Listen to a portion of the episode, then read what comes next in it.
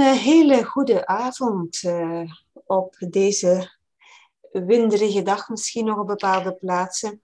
De derde lezing van boeddhisme uh, en de Boeddha als supertherapeut en levenskunstenaar. Daar gaat Gerbert nog heel erg op inzoomen vandaag. Zeker omdat het achtvoudige pad nog niet helemaal gelopen is, vorige lezingen. En daar zal Gerbert nu verdere stappen in ondernemen. Ik wil graag al even meegeven, voor wie er net niet was, dat de uh, vrijdagavond een extra lezing is bij Egipassico, waaraan je ook kan deelnemen, met dezelfde titel, maar uiteraard dan in een veel beperktere of beknoptere vorm. Een hele boeiende avond en tot op de chat of straks in het gesprek. Het woord is aan jou, Gerbert. Oké, dankjewel. Goedenavond iedereen. Laten we zonder verder tijd verliezen eraan beginnen. We hebben het nog steeds over de Boeddha. Ik breng heel even in herinnering. Ik ga daar heel kort door de vier nobele waarheden. Natuurlijk de waarheid van het lijden, de waarheid, de nobele waarheid van de oorzaak van het lijden, waar ik onmiddellijk nog even op inga, als heel korte herhaling. Eh, de nobele waarheid van het einde van het lijden en de nobele waarheid van het achtvoudige pad waar we aan begonnen waren.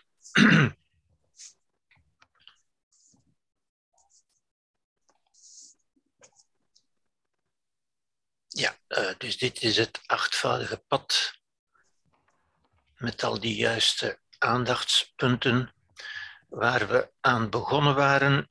En ik ga onmiddellijk door naar wat ik nog even wil in herinnering brengen, de oorzaak van het lijden, omdat dat zo belangrijk is en omdat de Boeddha dat zo, zo scherp heeft ingezien uiteindelijk. Lijden, elke vorm van lijden, verdriet, rouw, angst, woede, is altijd een intrapsychisch conflict. Dat is belangrijk, het is in ons. Het komt niet van buitenuit, het wordt in ons gecreëerd, gegenereerd, namelijk door het conflict tussen twee incompatibele, onverzoenlijke cognities, bewustzijnsinhouden, waarvan twee vormen zijn. Dus de eerste vorm is er is iets, dat we zeggen ik ben mij bewust van iets. En dat is al belangrijk, want iets waarvan ik me niet bewust ben, kan mij ook niet doen lijden wat op zich al een bewijs is dat het niet uit de buitenwereld komt. Er mag in de buitenwereld gebeuren wat wil, zolang ik er me niet van bewust ben, kan ik er niet onder lijden. Er is iets dat ik niet wil, dat ik niet kan aanvaarden, zeggen de mensen meestal. Ja. Een kritiek, een belediging, een scheiding, een ziekte, een overlijden, een ontslag. Ja, dat ik niet wil. Of tweede vorm, ik wil iets. Tegenwoordig is dat meestal ik eis, ik heb recht op en zo verder. Ja. Dat er niet is. Ik ben mij bewust dat het er niet is, dat ik het niet krijg. Ik wil iets dat ik niet krijg. Ja. Erkenning, gerechtigheid, opvang, bestraffing van de dader eventueel. Of een partner, een kind, kinderen, een zin in het leven, geluk. Ik wil geluk en het is er niet. Ik wil geluk en het is er niet. Ja. Een lijden, ook dat is een conflict. Ik wil iets dat er niet is. Ja. En ik leg de nadruk dat in die twee vormen, die komen eigenlijk op hetzelfde neer. en het gemeenschappelijke woordje is wil. Ik wil, dat ik niet wil of dat ik wel wil. Dat willen is belangrijk. Ja. Er is geen lijden zonder willen. Het is omdat, ik, omdat wij, omdat ik iets wil, dat er lijden is. Ja? Als ik niets zou willen, zou er geen lijden zijn. Het is omdat ik dingen wil, wel wil of niet wil. Ja? En als u begrijpt dat leven uiteindelijk altijd willen is, dan begrijpt u meteen ook de eerste nobele waarheid. Leven is lijden, want leven is willen. En vaak willen we iets wat er niet is, of krijgen we iets dat we niet willen. Ja. Het is altijd egocentrisch in onszelf en het gaat ook over onszelf. Er staat ook altijd het woordje ik. Ik wil of ik wil niet. Het gaat over ik, over het ego dus. Ja. Lijden is ook gemakkelijk, het vergt weinig wijsheid. Daarom is het eigenlijk ook zo in zekere zin ook moeilijk. Het valt moeilijk om in te zien wat het eigenlijk is, omdat het zo gemakkelijk in ons opkomt. Het ontstaat gewoon in ons. Het is een patroon dat in ons aanwezig is. We moeten dat niet aanleren. Ja? En daarom lijkt het ook zo natuurlijk, zo spontaan, zo intuïtief, dat het moeilijk is om in te zien hoe het eigenlijk ontstaat. Maar pas als we dat inzien, kunnen we daar ook iets aan doen. Ja?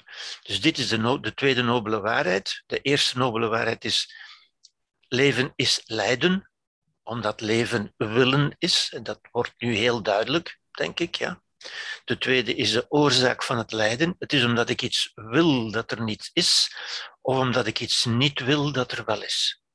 Ja, het is dat willen staat centraal. Ja?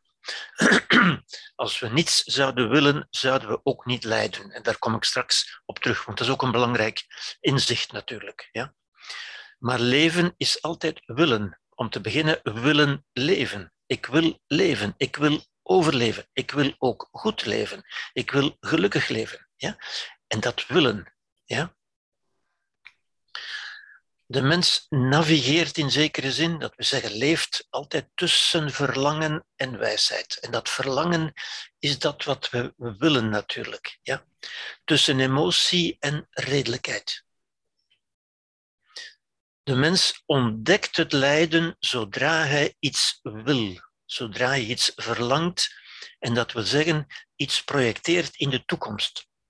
Hopen is ook een vorm van willen, natuurlijk. Ja? En daarom is ook hopen uiteindelijk een vorm van lijden. Ja? Als u hoopt, bent u niet in het nu, bent u niet gelukkig, want u hoopt dat iets u gelukkig zal maken. Ja? Het is dat, dat lijden zoals ik het hier zeg, is een werkwoord. U weet dat men zegt liefde is een werkwoord, maar lijden is dat ook. Lijden is niet iets wat u overvalt of wat op u neerdaalt of iets dergelijks. Het is ook geen ziekte. Het is iets wat wij doen. Het is een werkwoord. En wij doen dat door te willen, te zoeken, te streven, te verlangen naar een doel, in de toekomst. Het gaat over de toekomst. Ook dat is belangrijk. Het is niet het verleden dat ons doet lijden. Verleden doet niet lijden. Het is ons willen. En ons willen is in de toekomst. Ja? Gelukkig willen zijn is al niet gelukkig zijn en is dus lijden. Ja? Het streven om gelukkig te willen zijn, het zoeken naar geluk, het verlangen naar geluk, is op zich niet gelukkig zijn. Dat is een lijden. Ja? Dat lijden verdwijnt zodra men tot wijsheid en vrede komt in het aanvaarden van het nu. Dat, dat fameuze, dat beroemde hier en nu. Oeh, ik ben even mijn Um, wacht even, ik ben even mijn scherm kwijt. Ja, dat beroemde hier en nu van het boeddhisme, waar ik ook straks op terugkom. Ja. Zodra, dus, zodra men tot wijsheid en vrede komt in het aanvaarden van het nu, dat kan alleen in het nu. Lijden is altijd in het nu, geluk is ook in het nu. Ja. En men begrijpt en aanvaardt dat men vaak niet krijgt wat men verlangt. En dat aanvaarden is redelijkheid en wijsheid. Ja, de Boeddha zei ook, ik heb dat in het begin ook gezegd, alle lijden komt uiteindelijk uit onwetendheid, uit onredelijkheid, uit onwijsheid. Een wijs mens begrijpt dat men vaak niet krijgt wat men verlangt. Begrijpt dat en aanvaardt dat. Geluk is in principe, geluk is niets willen. Iemand die volmaakt gelukkig zou zijn, die zou niets meer willen. Want hoe zou je nog iets meer kunnen willen? En bovendien, zodra je iets anders zou willen, zou dat betekenen dat je niet meer volmaakt gelukkig bent. Dus u ziet dat het ook een beetje een utopische toestand is, natuurlijk. Ja? Volmaakt geluk, totaal geluk, dan wil u niets meer. Want elk willen is ongelukkig zijn. Ja? Alle lijden eindigt dus, dat is de derde nobele waarheid natuurlijk, door wijsheid, aanvaarding en vrede, en dat is redelijkheid in het nu. Daar kunnen we toe komen door redelijkheid. En dat is ook typisch de Boeddha. Het is geen, geen genade die we moeten afsmeken of die we krijgen als we ons goed gedragen. Nee, het boeddhisme, heb ik u gezegd, is een humanisme dat is mogelijk met gebruikmaking van onze menselijke mogelijkheden, namelijk de redelijkheid. Als we dit begrijpen, dan kunnen we dat ook doen. Ja? Goed, uh, ik denk dat ik u dit ook al getoond had. When you live in complete acceptance, dat is volledig in het nu, volledige aanvaarding van wat er is, dan is dat het einde van elk drama in uw leven. Dat is Eckhart Tolle. Ik denk dat ik u dat vorige week, dit heb ik vorige week ook verteld, hier ga ik snel doorheen. Dat is dus het verhaal van de vrouw van uh, de vrouw die overleden was. Ja. En hoe die man daar met redelijkheid mee omging en dus niet in lijden verkeerde. Ja. Het tweede, nobele, het tweede, um, tweede pad was het juiste denken en de juiste emoties natuurlijk, ja, op basis van de juiste zienswijze. Het eerste was de juiste zienswijze. Het tweede, dat ik ook al voor een stuk besproken had, um, was het juiste denken. En het inzien ook dat gedachten van verbondenheid, wat wij dus positieve gedachten zouden kunnen noemen, maar gebruik dat woord niet zo, niet zo graag, die gedachten, dat bewustzijn, als die gedachten in ons zijn of als we ze in ons creëren. Gedachten van verbondenheid, begrip, mededogen, verzoening, vergeving, sereniteit, vrede. Als we die gedachten in ons laten aanwezig zijn, opwekken, en dat kunnen we heel bewust doen, daar moeten we ook niet op wachten, we moeten die niet zoeken, we kunnen die creëren. Ja? Dan leidt dat tot de ervaring van welzijn. Ja, en u ziet hoe we lijden ook kunnen creëren. Niet alleen creëren we onwelzijn en lijden, maar ook welzijn kunnen we creëren. We kunnen die ervaring creëren. Een heel belangrijk inzicht ook. De kracht van gedachten en van woorden. Als we die woorden gewoon laten aanwezig zijn, op die manier denken, Daarentegen gedachten van afwijzing, afscheiding, verzet, haat, wrok, woede, wanhoop en zo verder leiden tot onwelzijn in ons en in de wereld. Ja? Dus dat is hoe wij welzijn en onwelzijn creëren. Ja? Dat ligt dus aan ons, aan u. Wij kunnen dat. Wij hebben dat machtige instrument van de taal, de woorden, waarmee wij ons brein en onze ervaring kunnen besturen. En ook dat inzien. Ja? Dat is natuurlijk heel belangrijk, hè, want de Boeddha zei ook in het eerste uh, pad dat, ik u, dat we besproken hebben, we zien niet de werkelijkheid, we zien onze woorden voor de werkelijkheid, onze gedachten over de werkelijkheid. Dus als we over de werkelijkheid op zo'n manier denken, dan leidt dat tot welzijn. Als we op deze manier denken, leidt dat tot onwelzijn.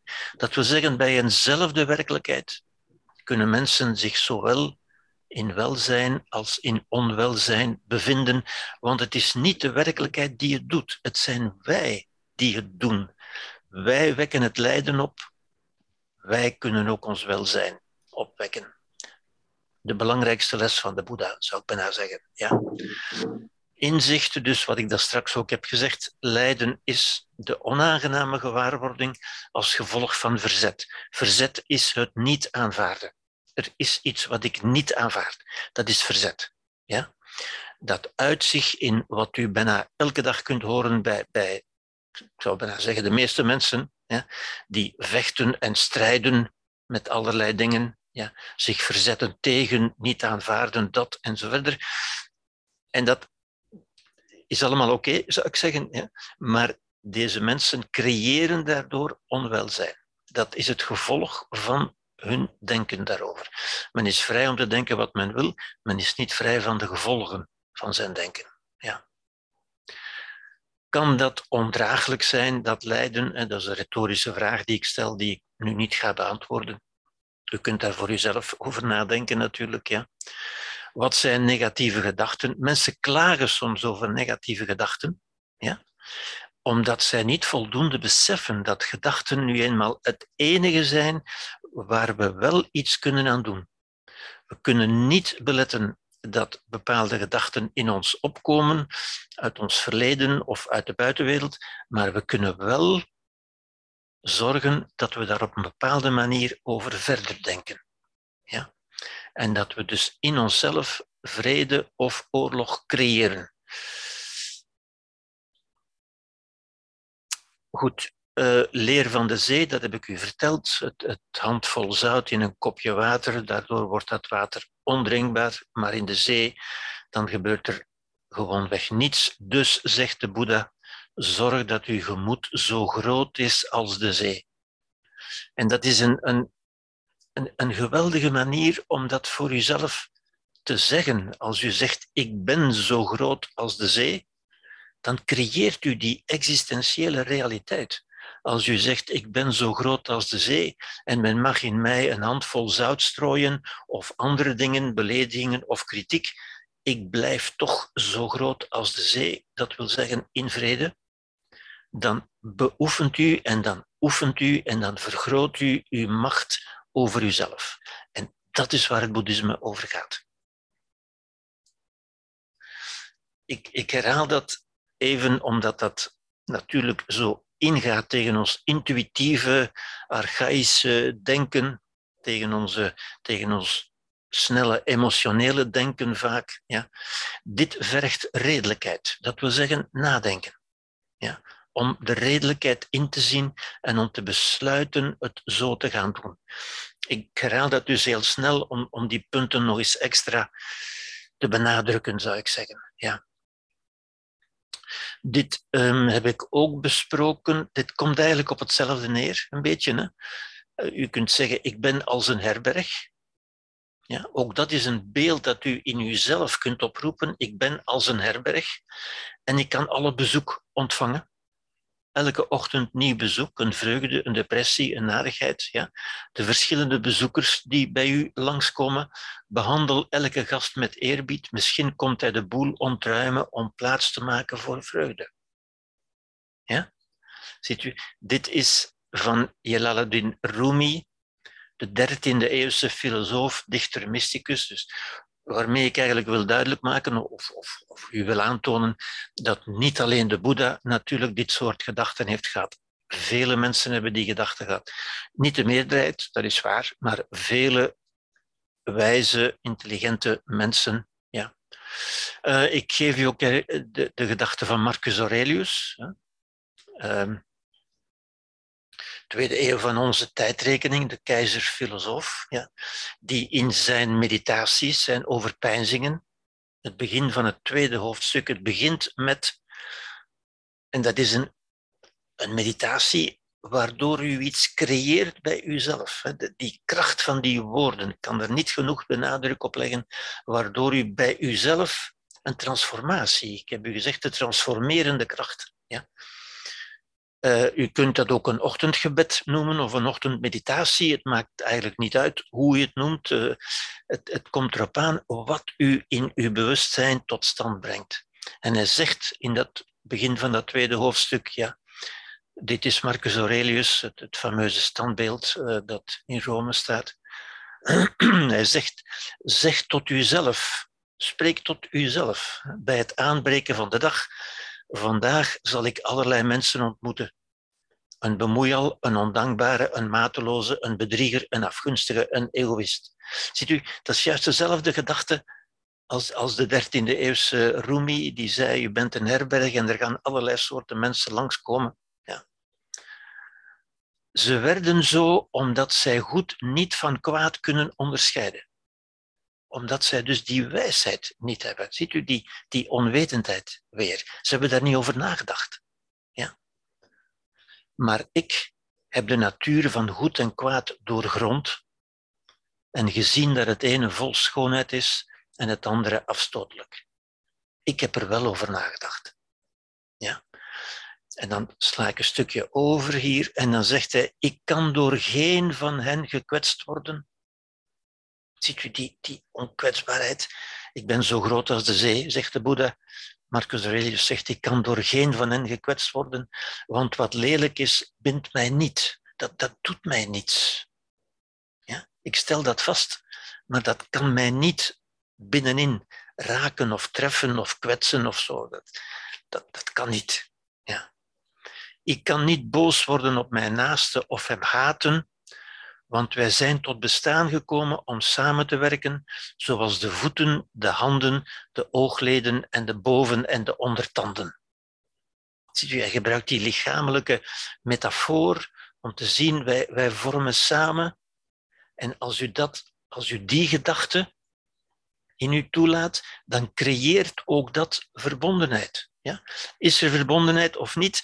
U moet die niet zoeken, u moet die niet vinden, u kunt die creëren als u er zo over denkt. Wij zijn samen tot bestaan gekomen om samen te werken, zoals de onderdelen van mijn lichaam samenwerken, zoals mijn linker en mijn rechterhand en mijn linker en mijn rechterbeen en mijn boven- en mijn ondertanden. Ja? Ziet u wat schitterende gedachten die een transformerend effect hebben op hoe u naar de wereld kijkt. Daarom is het in strijd met de natuur, met de natuurlijke orde, om elkaar tegen te werken en dat doen we door ons aan elkaar te ergeren en afkeer van elkaar te hebben. Ik zou het misschien naar, naar Poetin moeten sturen. Dit is het hoogste in de mens dit soort gedachten. Oorlog is natuurlijk het laagste in de mens. Ze werden zo omdat zij goed niet van kwaad kunnen onderscheiden. Ja. Dit is het hoogste in de mens, dat soort bewustzijn dat wij kunnen creëren, tot stand brengen. Ja. Door die woorden, Marcus Aurelius leert het ons hier hoe we het kunnen doen, net zoals de Boeddha het leert uiteindelijk. Ja. Goed. Oké. Dit is van nog iemand anders. Ik weet niet, juist van wie. Never regret a day in your life. Good days give happiness, bad days give experience. The worst days give lessons and the best days give memories. Je moet nooit spijt hebben over een dag in je leven. Goede dagen geven welzijn, Kwade dagen geven ervaring. De ergste dagen zijn lessen en de beste dagen zijn herinneringen. Maar elke dag geeft u iets, brengt u iets. Ziet u ook weer dat, datzelfde idee uiteindelijk. Ja. Dit is Michelle Obama, die dat zo, zo krachtig zei. When they go low, we go high. Ja, als de anderen zich verlagen en u proberen te kwetsen, u proberen te beledigen en zo verder, ja, als zij het laagste in zichzelf aanspreken, als zij boos worden en u haten, dan spreekt u het hoogste in uzelf aan. En dat is, dat is vrijheid. Ja? Dat is wat Sartre ook zei. Ja? Vrijheid is wat wij doen met wat ons wordt aangedaan. Wij hebben geen controle over wat ons wordt gedaan, maar wel over wat wij daarmee doen.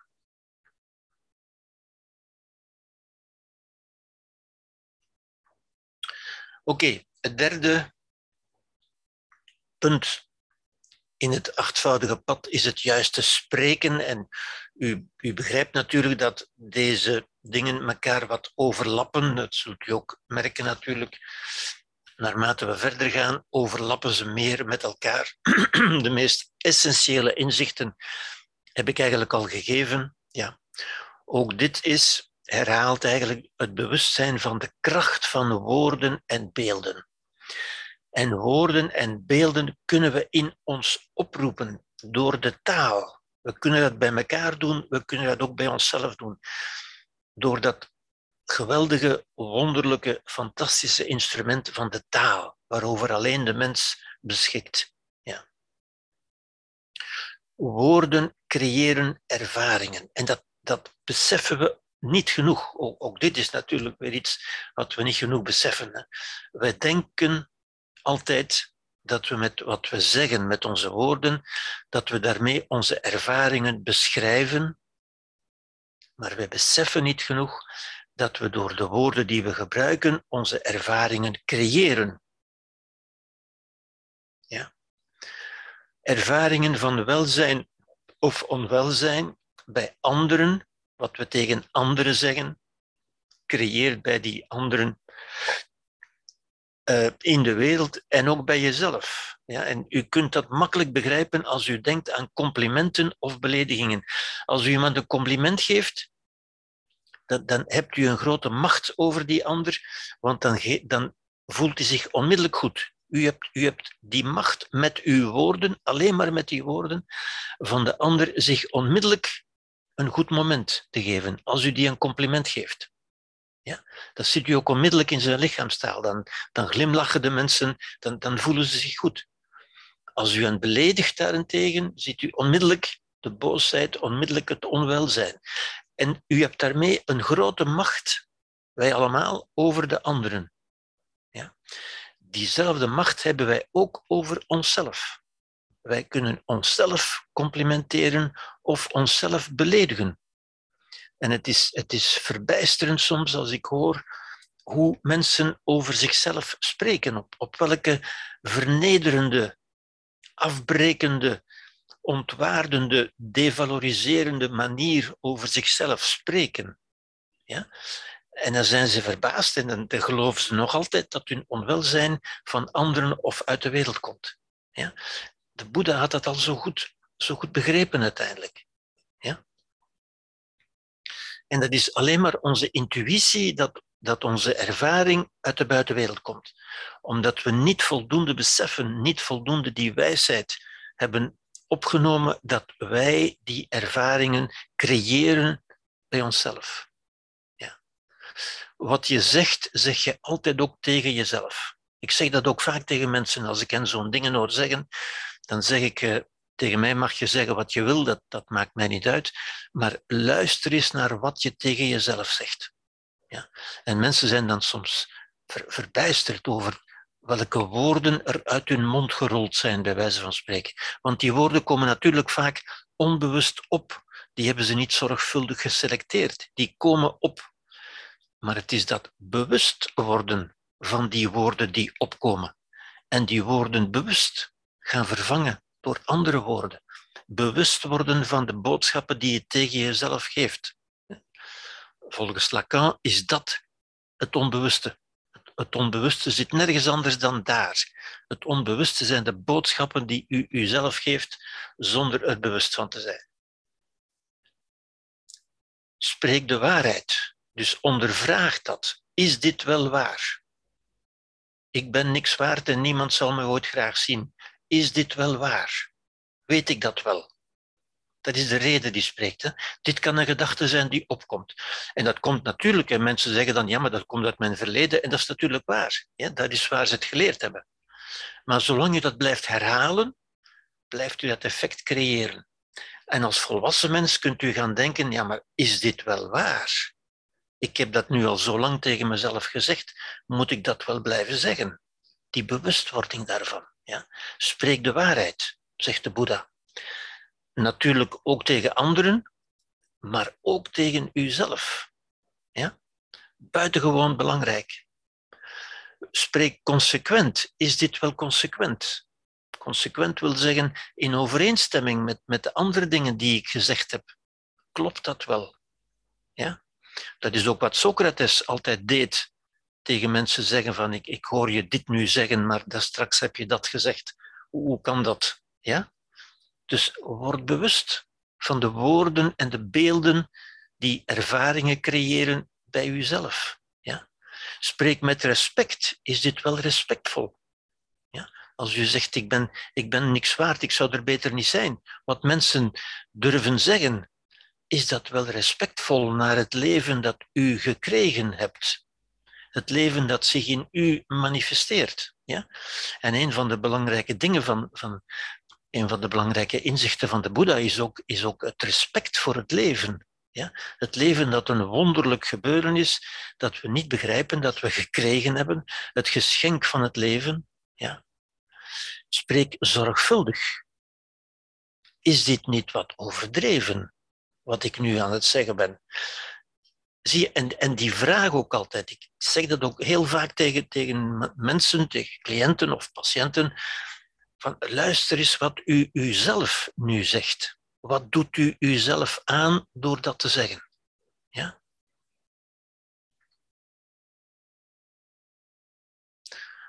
Bijvoorbeeld, niet spreken over fouten, mislukkingen, zwakten, gebreken. Hoor dat vaak ook bij mensen. Hè, van, ja, ik zie mijn partner graag hoor, maar hij heeft zoveel zwakten en gebreken en fouten. Ja,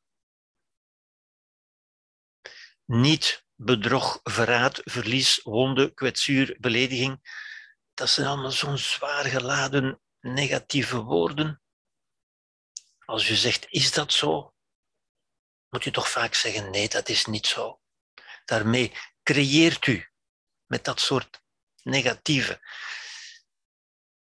Ik gebruik niet graag het woord negatieve, ik zou bijna zeggen dat soort kwaadwillige, dat soort boze woorden creëert u negativiteit bij uzelf. Ja? Dat, zijn, dat is niet de werkelijkheid, dat zijn gedachten en oordelen over wat er is. En ziet u, dat is wat ik in het begin ook heb gezegd in het eerste uh, pad, de sluier tussen ons en de realiteit. Dit is niet de realiteit, dit zijn onze gedachten en oordelen over de realiteit. Maar als we die denken, als we zo denken en zo oordelen, dan creëren we onwelzijn bij onszelf. Iemand die overleden is, is niet verloren. Ja? Dat woordje verlies, dat mensen ook altijd gebruiken. Verlies, die verlieservaring. Maar is op een andere manier aanwezig. Ziet u, als u dat woordje verloren vervangt door op een andere manier aanwezig, ja? Het woordje verloren verwijst trouwens altijd naar uzelf. Ik ben niets verloren. Ik heb u gezegd, het lijden gaat altijd over uzelf. Het is altijd ik, ik, ik. Ik heb iets verloren, ik mis iets, ik heb iets tekort. Ja? De ander is niet verloren, maar is op een andere manier aanwezig. Dat is een andere manier om iets te zeggen over wat er gebeurd is, om het gebeuren. Het gebeuren dat op zich alleen maar een gebeuren is, maar de manier waarop je dat beschrijft, is geen beschrijving, maar creëert een ervaring. Ja? Zoals de oceaan aanwezig is in de wolken, in de regen en zelfs in een kopje thee. Ja? Dat is het idee, wat ik ook heb gezegd, van de, van de eenheid van de dingen. Ja? Mensen die overlijden zijn niet verloren. Die zijn er nog altijd. Die zijn in uw bewustzijn nog altijd aanwezig. U kunt mensen niet verliezen. Net zoals de oceaan aanwezig is in de wolken, in de regen en in een kopje thee. Ja. Heeft daar hele mooie um, stukken over geschreven, over de dood van zijn moeder bijvoorbeeld. Ja precies dit idee. Ja. Rouwen is niet loslaten, maar is leren op een andere manier vast te houden. Met een andere band. Het is het vervangen van de band van lijden en verdriet door een band van welwillendheid en liefde, uiteindelijk. Ja. En aandacht. Ziet u de verschillende manieren van, van kijken en van spreken? En dit is een plaatje wat dat ook zegt. Dit is nu wel van Lao Tzu, maar Lao Tzu staat dicht bij de Boeddha natuurlijk. Hij zegt, let op uw gedachten, want uw gedachten worden woorden. Watch your thoughts, they become words. Let op uw woorden, want dat worden uw daden. Let op uw daden, want dat worden uw gewoonten. Let op uw gewoonten, want dat wordt uw karakter. Let op uw karakter, want dat wordt uw lot.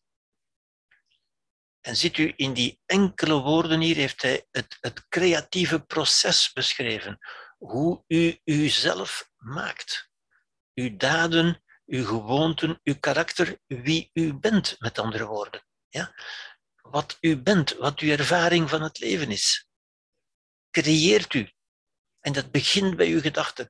Let op uw gedachten. Wees hygiënisch. Wees zorgvuldig op uw gedachten. Laat geen ziekmakende gedachten toe. Laat geen ondermijnende, ondergravende gedachten toe. De Boeddha heeft trouwens iets gelijkaardigs gezegd, maar ik heb het hier nu niet direct bij de hand, denk ik. Het juiste spreken, het, derde pad. De Dalai Lama zegt: Mijn religie is vriendelijkheid. Ja, kunnen het moeilijk korter zeggen. Mijn religie, dat wil zeggen dat waar ik mijn leven aan wijd, mijn geloof, dat wat ik belangrijk vind, is vriendelijkheid. En als u vriendelijkheid creëert naar de anderen, dan kunt u niet beletten dat dat tegelijk een effect heeft op u. En ook omgekeerd. Dus u moet zich niet afvragen, een beetje dwaze vraag, doe ik dat nu voor de anderen of voor mezelf? Wat u goed doet, doet u zowel voor de anderen als voor uzelf. Als u vriendelijk bent naar de anderen, dan creëert u welzijn bij die anderen. Als u ze complimenten geeft bijvoorbeeld. En tegelijk creëert u welzijn bij uzelf. Ja. Wie vriendelijk is naar de anderen, zaait ook vriendelijkheid in de eigen geest. Ook daarover komt, komt dadelijk een, een verhaal van de Boeddha, waar hij dat ook zo, ja, zo schitterend zegt. Dat, dat idee, die, die, die, ja, die schitterende ideeën, ik kan het, kan het niet anders noemen, ja, die voor ons toegankelijk zijn door de taal, doordat we die woorden kunnen gebruiken. Ja.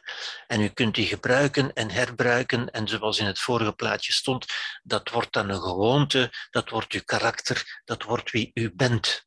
Ja. Wie haat en wrok koestert naar anderen, zaait ook haat, wrok en negativiteit in de eigen geest.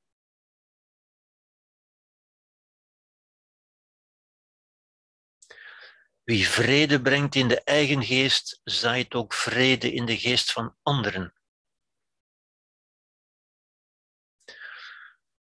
Dit is de Boeddha weer, letterlijk, dit ook hoor, maar dit ook. Woede, zei de Boeddha, woede en wrok is als vergif drinken in de hoop dat de ander zal sterven. Vaak doen we dat uit boosheid. Ja? We zijn boos, zogezegd om de ander te straffen, om hem te doen lijden, maar eigenlijk doen we onszelf lijden. Het is als een vergif drinken en hopen dat de ander zal sterven. Ja, het is zo tragicomisch, zou ik zeggen. Ja.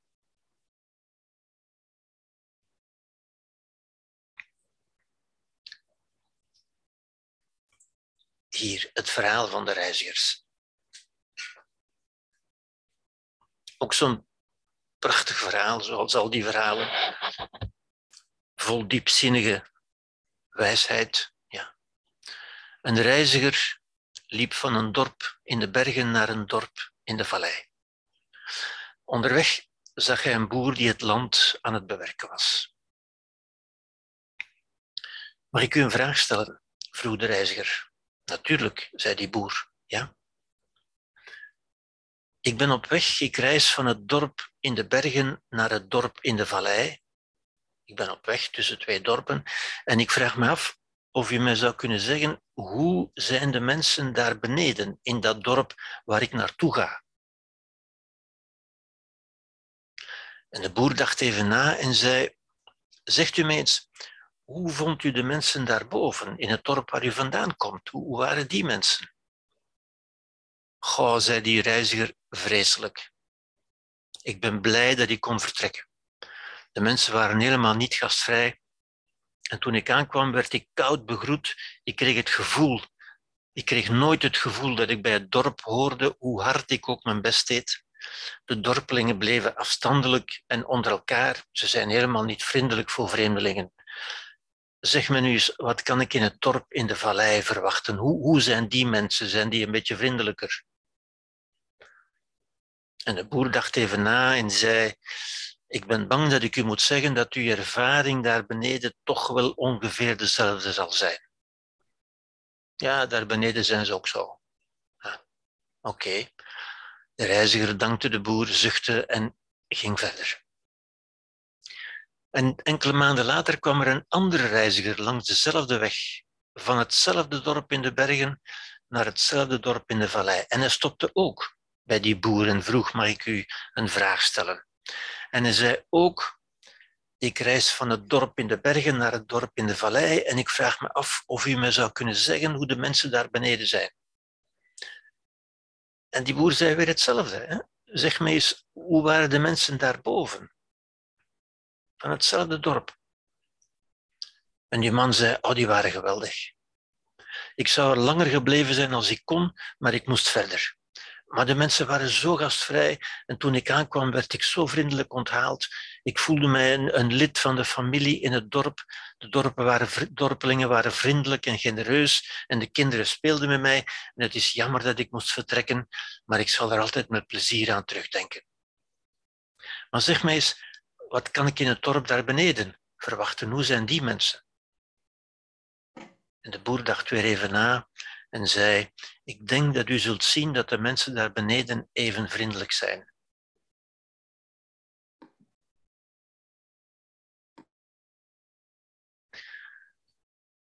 Ik hoop dat u het begrepen hebt. Ik zie natuurlijk uw, uw reacties niet op het ogenblik, hè, maar de realiteit was twee keer dezelfde, maar die twee reizigers creëerden een heel andere ervaring.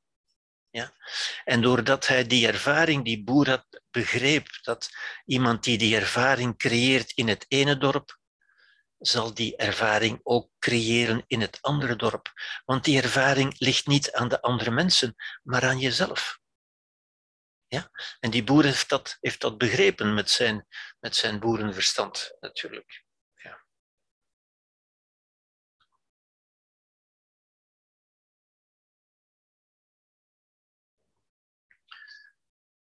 Een ander verhaal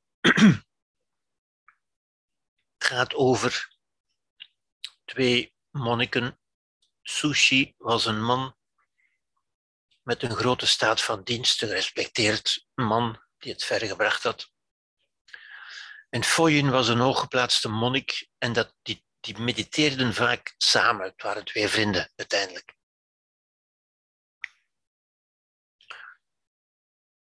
Foyen was een simpele ziel en sushi plaagde hem graag. En op een keer zaten de twee mannen weer samen te mediteren. En Sushin vroeg aan Foyen, zeg eens, als je mij ziet, waaraan denk je dan? Waaraan doe ik je denken? Hoe zie je mij met andere woorden? En Foyen zei, ik vind dat je op een standbeeld van de Boeddha lijkt. En toen, toen Sushin dit hoorde, lachte hij luid en zei tegen Foyin, weet je waarop ik jou vind lijken? Op een hoop koeienmest. Ja, en hij lachte ermee luid met zijn eigen grappigheid natuurlijk, ja. En Foyin was weer met stomheid geslagen door dat antwoord natuurlijk. En toen hij thuis kwam, Sushin pochte hij over dit voorval tegen zijn zuster. Maar zijn zus aanhoorde dat verhaal, lachte koeltjes en zei: Wat er in het hart leeft, weerspiegelt zich in de ogen. Als Foyin zei dat jij er als een Boeddha uitzag, toont dat aan dat er een Boeddha in zijn hart leeft. Als jij zei dat Foyn er als een koeienvlaag uitzag, stel je dan eens voor wat er in jouw hart leeft.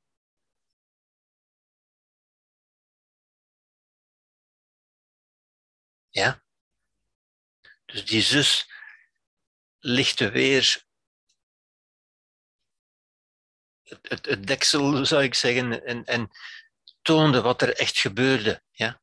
Hoe je de ander beschrijft, is hoe je hem ziet, is hoe jij bent. Net zoals die reizigers. Ja? Als je de ander als welwillend beschrijft, is er welwillendheid in je eigen bewustzijn. Als je de ander als kwaadwillig beschrijft, is er kwaadwilligheid in je eigen bewustzijn. Oké. Nummer vier, het juiste handelen. En u ziet dat ze elkaar opvolgen, natuurlijk. Ja. Um, het juiste handelen spreekt over karma. En karma, dat, dat, dat fameuze begrip karma,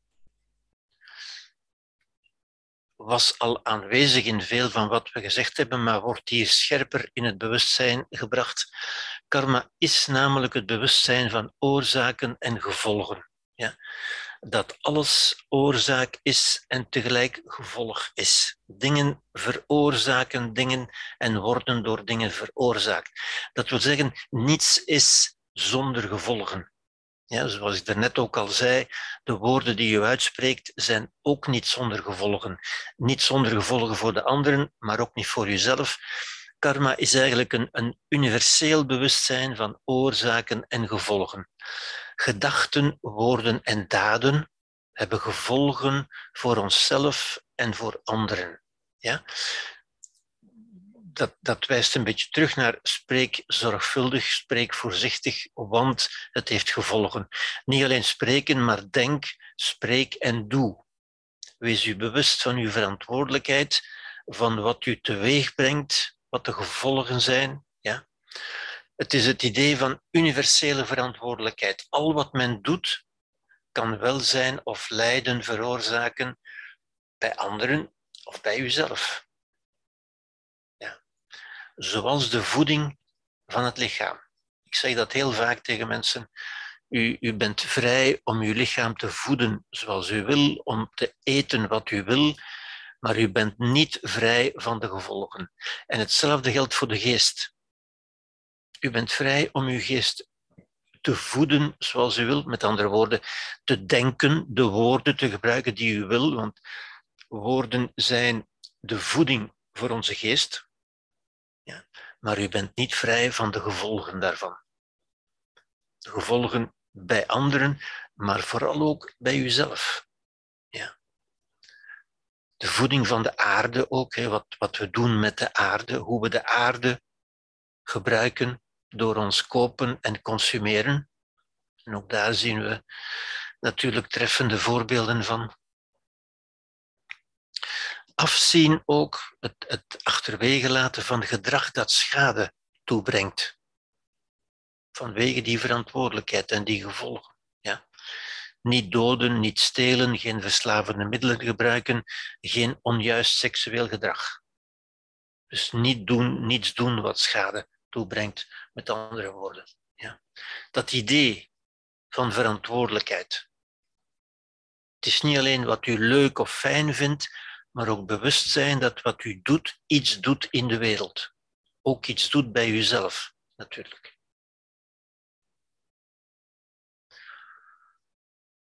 In het oude China, dat is weer zo'n verhaal, leefde een boer in een klein dorpje op het platteland.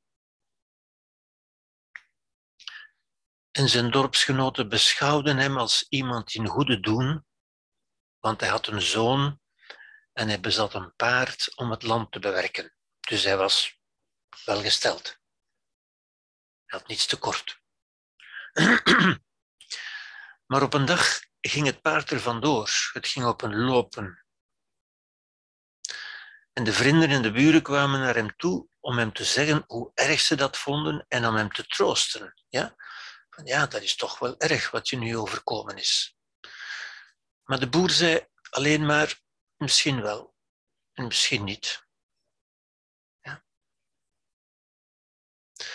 En een paar dagen later kwam dat paard terug en bracht nog tien wilde paarden met zich mee. Die liepen mee met dat paard.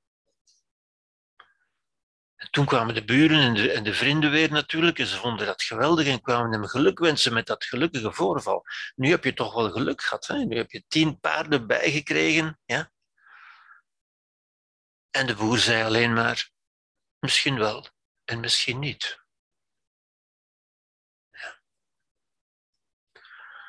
En de volgende dag probeerde zijn zoon een van die wilde paarden te temmen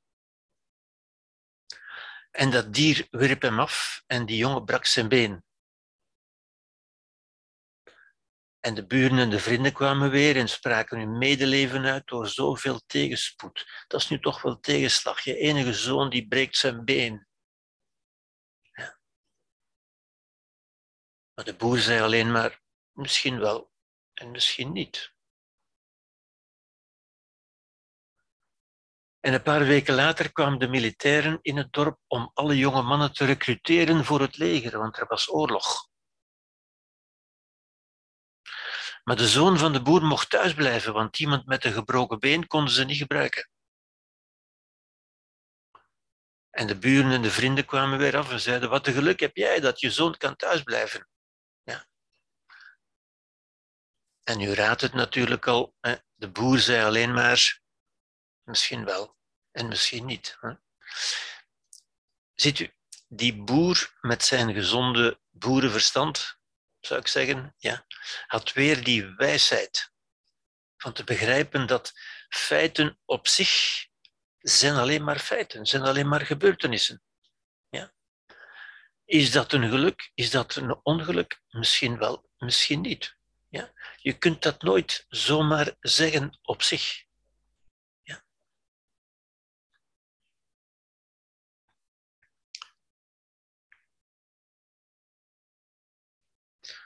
Punt 5. Het juiste levensonderhoud.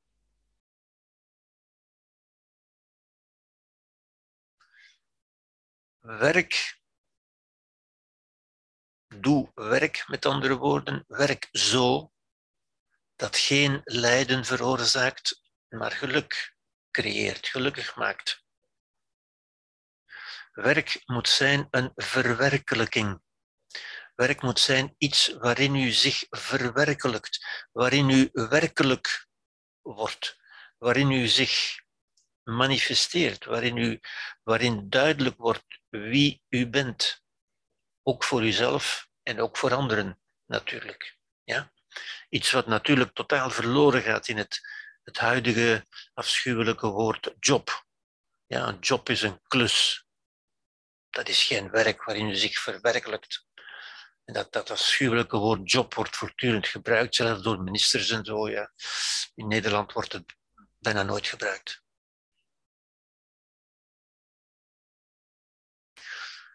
Werk is iets waarin we het ideaal en de waarden van begrip en mededogen tot uitdrukking kunnen brengen. Ja? De religie van de Dalai Lama. En dat verwerkelijk je je, je maakt het tot werkelijkheid, met andere woorden. Ja? Werk is iets tot werkelijkheid maken, namelijk het ideaal en de waarden van begrip en mededogen. Verkeerd werk brengt schade toe. Wat is verkeerd werk? Wel, bijvoorbeeld wapens, bommen en munitie maken voor landen waar kinderen honger lijden. Ja? Dat is geen werk dat, dat geluk brengt. Ja? Natuurlijk, daarin verwerkelijkt men ook iets. Men verwerkelijkt namelijk een persoon die schade veroorzaakt. Geweldfilms maken en verspreiden, ja. dat zou de Boeddha zeker niet kunnen goedkeuren. dure en vervuilende producten gebruiken. Ja.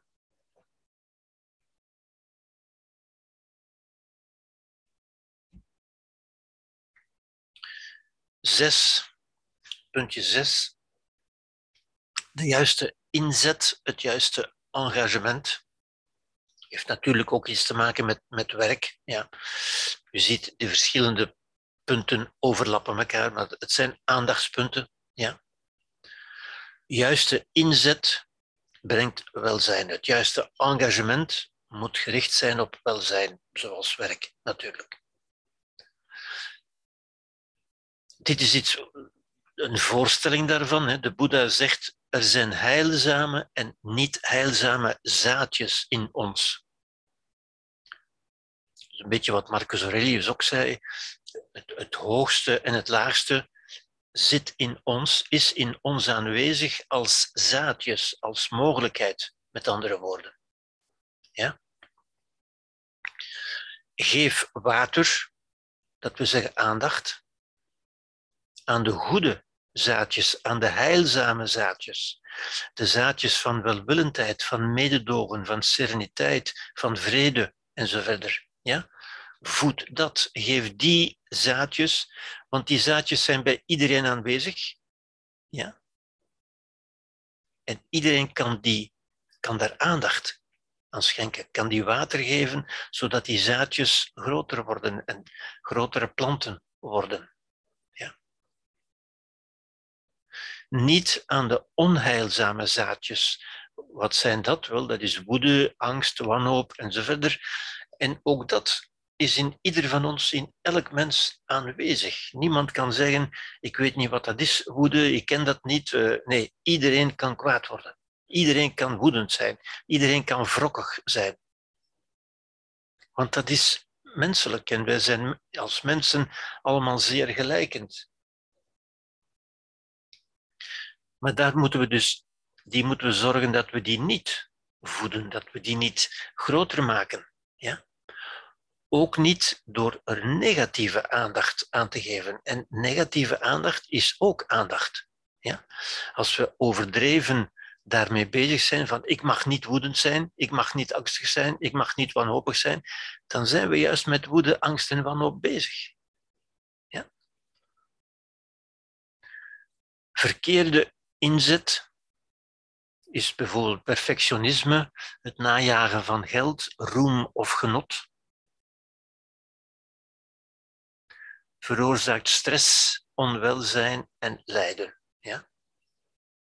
De juiste inzet brengt welzijn. De juiste inzet is het voeden van de goede, de heilzame zaadjes, de heilzame kwaliteiten in ons. Verkeerde inzet is het najagen van geld, roem of genot. Ja?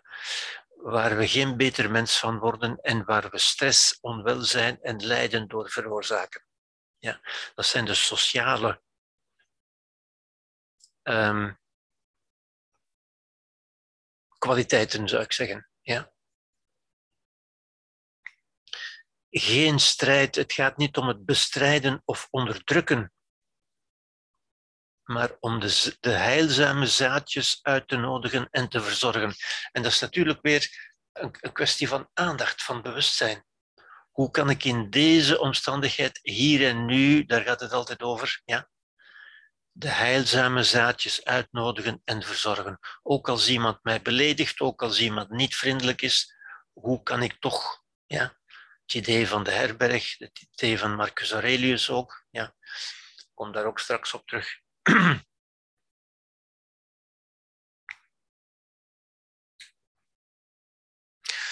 Dat brengt ons stilaan dichter bij het bewustzijn natuurlijk, en dat is hier nog sterker in het zevende punt. Het zevende punt is de juiste aandacht. Aandacht verwijst onmiddellijk naar mindfulness en meditatie. Mindfulness is eigenlijk aandacht. Aandacht wil ook zeggen bewustzijn, bewust zijn zijn op een bewuste manier.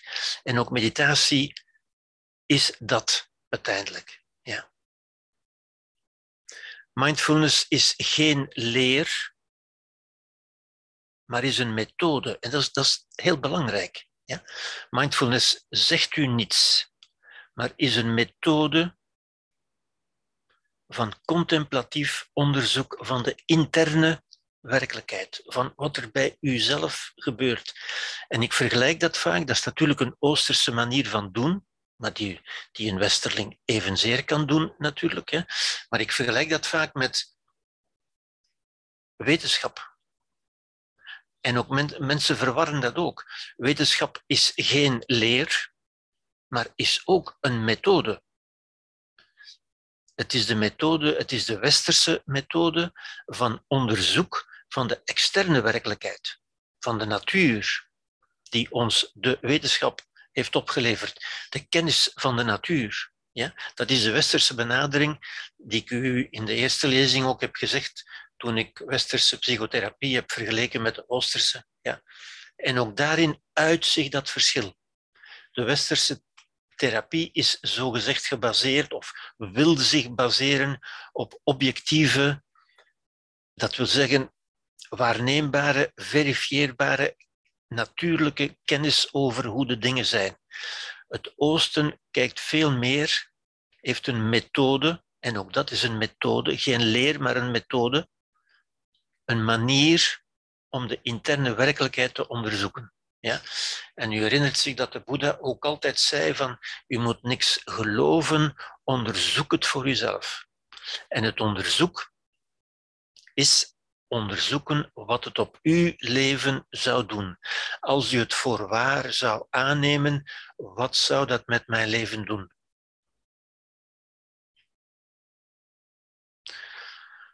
dat waar je aandacht aan geeft, wordt groter. Dat is iets wat je kunt vaststellen ja, als je die interne werkelijkheid onderzoekt. Ja. Waar je aandacht, in het Westen noemt men dat vaak energie. Het Westen spreekt liever over energie, dat klinkt wetenschappelijker, maar eigenlijk is dat een heel wazig woord ook. Ja. De meeste mensen die dat gebruiken, het is een wetenschappelijk woord, waarvan de meeste mensen niet goed weten wat het betekent eigenlijk. Het heeft wel een juiste betekenis hoor, maar aandacht is een veel beter woord. Aandacht is het richten van uw psychische aanwezigheid, waar u bij aanwezig bent, met andere woorden. Ja, dat wordt groter. Waar u mee bezig bent eigenlijk. Ja? Ook, en zelfs, ik denk dat het ook nog wel zal komen, zelfs op een negatieve manier. Met name dat waar u mee bezig bent door het te willen afweren. Als u er niet wil aan denken, ik wil niet aan sigaretten denken. Ja, waar bent u dan mee bezig? Met sigaretten, natuurlijk. Ja? Mensen zeggen dat vaak. Ik probeer er niet aan te denken. Ik probeer niet aan mijn verleden te denken. Maar door te proberen er niet aan te denken, dat is juist een manier van negatieve aandacht geven. Daardoor bent u er juist mee bezig. Ja? En hier staat het, waar je je tegen verzet, wordt sterker, maakt u groter. Want verzet is ook aandacht. Op een negatieve manier, op een afwijzende manier. Maar het is evenzeer aandacht. Ja. U weet, het is een beetje zoals kinderen. Kinderen uh, proberen ook aandacht te krijgen door ongewenste dingen te doen. Om uw aandacht te trekken juist. Ja? Daardoor krijgen ze uw aandacht. Als u er aandacht aan geeft, dan wordt het sterker. Ja? Bijvoorbeeld piekeren over het verleden of over de toekomst. En dat kunnen mensen eindeloos doen. Ja? En hoe meer u erover piekert, hoe belangrijker dat, hoe groter dat wordt in uw bewustzijnsruimte, hoe meer ruimte dat inneemt in uw bewustzijnsveld. Ja? Als u bijvoorbeeld aandacht geeft aan uw ademen, dat is een echt, echt een, een mindful methode, ja, om uw aandacht te richten op iets heel concreets, wat hier en nu aanwezig is. En dat kunt u ook maar alleen doen in het nu, want uw adem, uw adem is nu. Dan bent u automatisch in het nu en dan geeft u ook aandacht aan het wonder van het leven. Aandacht voor uw adem brengt u ook hier en nu. Ja? Mindfulness brengt de geest naar hier en nu. Ja? En dat is een, een positieve daad naar het hier en nu. Dat is niet tegen het verleden of tegen de toekomst, maar dat is positief naar hier en nu. Dat kunt u creëren, dat is iets wat u tot stand brengt. Bijvoorbeeld door uw aandacht op uw adem te richten. Adem heeft niks magisch, maar is iets wat u altijd bij u hebt, wat altijd hier en nu is en waar u altijd uw aandacht kunt op richten. Bewustwording ook van uw waarneming, van uw gedachten, van uw gevoelens, door milde aandacht. Milde aandacht is zoals men dat omschrijft, door erbij aanwezig te zijn, door het gewoon waar te nemen. Gewoon waar te nemen dat het er is, zonder oordeel. Het is niet goed, het is niet slecht, het zijn alleen maar gedachten en gevoelens. Ja? Inzicht, aandacht, concentratie vormen de basis voor redelijkheid en ethiek. Ja. Het, het feit dat mindfulness een methode is, is, verdient wel wat aandacht, denk ik. Ja, dat is een belangrijk idee. Mindfulness is geen, is geen leer, maar is een methode. Iets om te doen, om te beoefenen. Is een praktijk. Zoals yoga voor het lichaam is, is mindfulness een soort yoga voor de geest, zou je kunnen zeggen.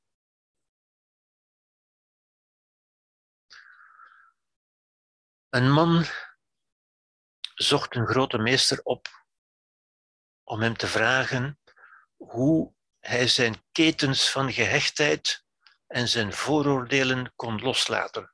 Ziet u, dat piekeren over het verleden, over de toekomst, over uw trauma's en zo verder. Ja, hoe kan je het allemaal loslaten? Mensen zeggen, ik, probeer dat los te laten en dat lukt mij niet. En hoe moet ik dat doen? Ja, dat is zoiets wat, waar mensen zo mee bezig zijn. Ja, dat fameuze loslaten. En hij vroeg het aan een grote meester. En die meester, in plaats van een rechtstreeks antwoord te geven, sprong de meester op, liep naar een pilaar, sloeg zijn armen om het marmer en riep: Verlos mij van deze pilaar, verlos mij van deze pilaar.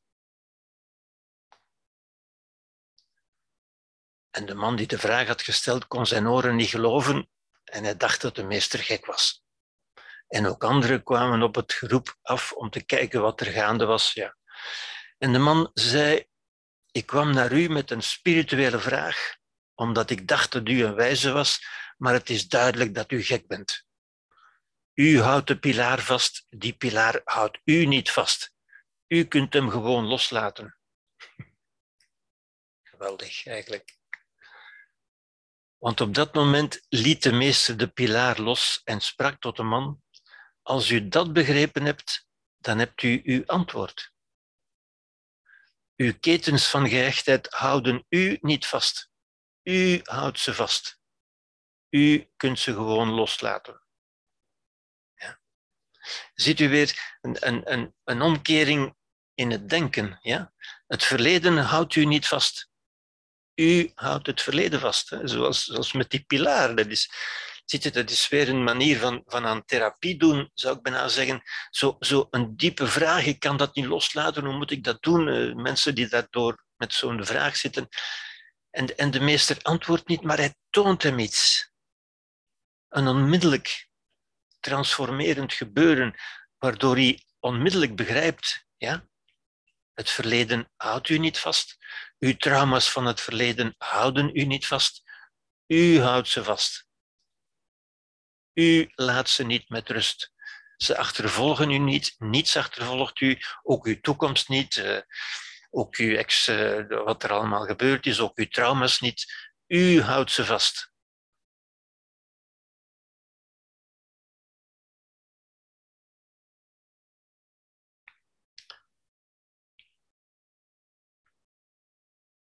Omdat we niet weten dat is een mooie. Omdat we niet weten wat we niet weten, denken we dat we alles weten.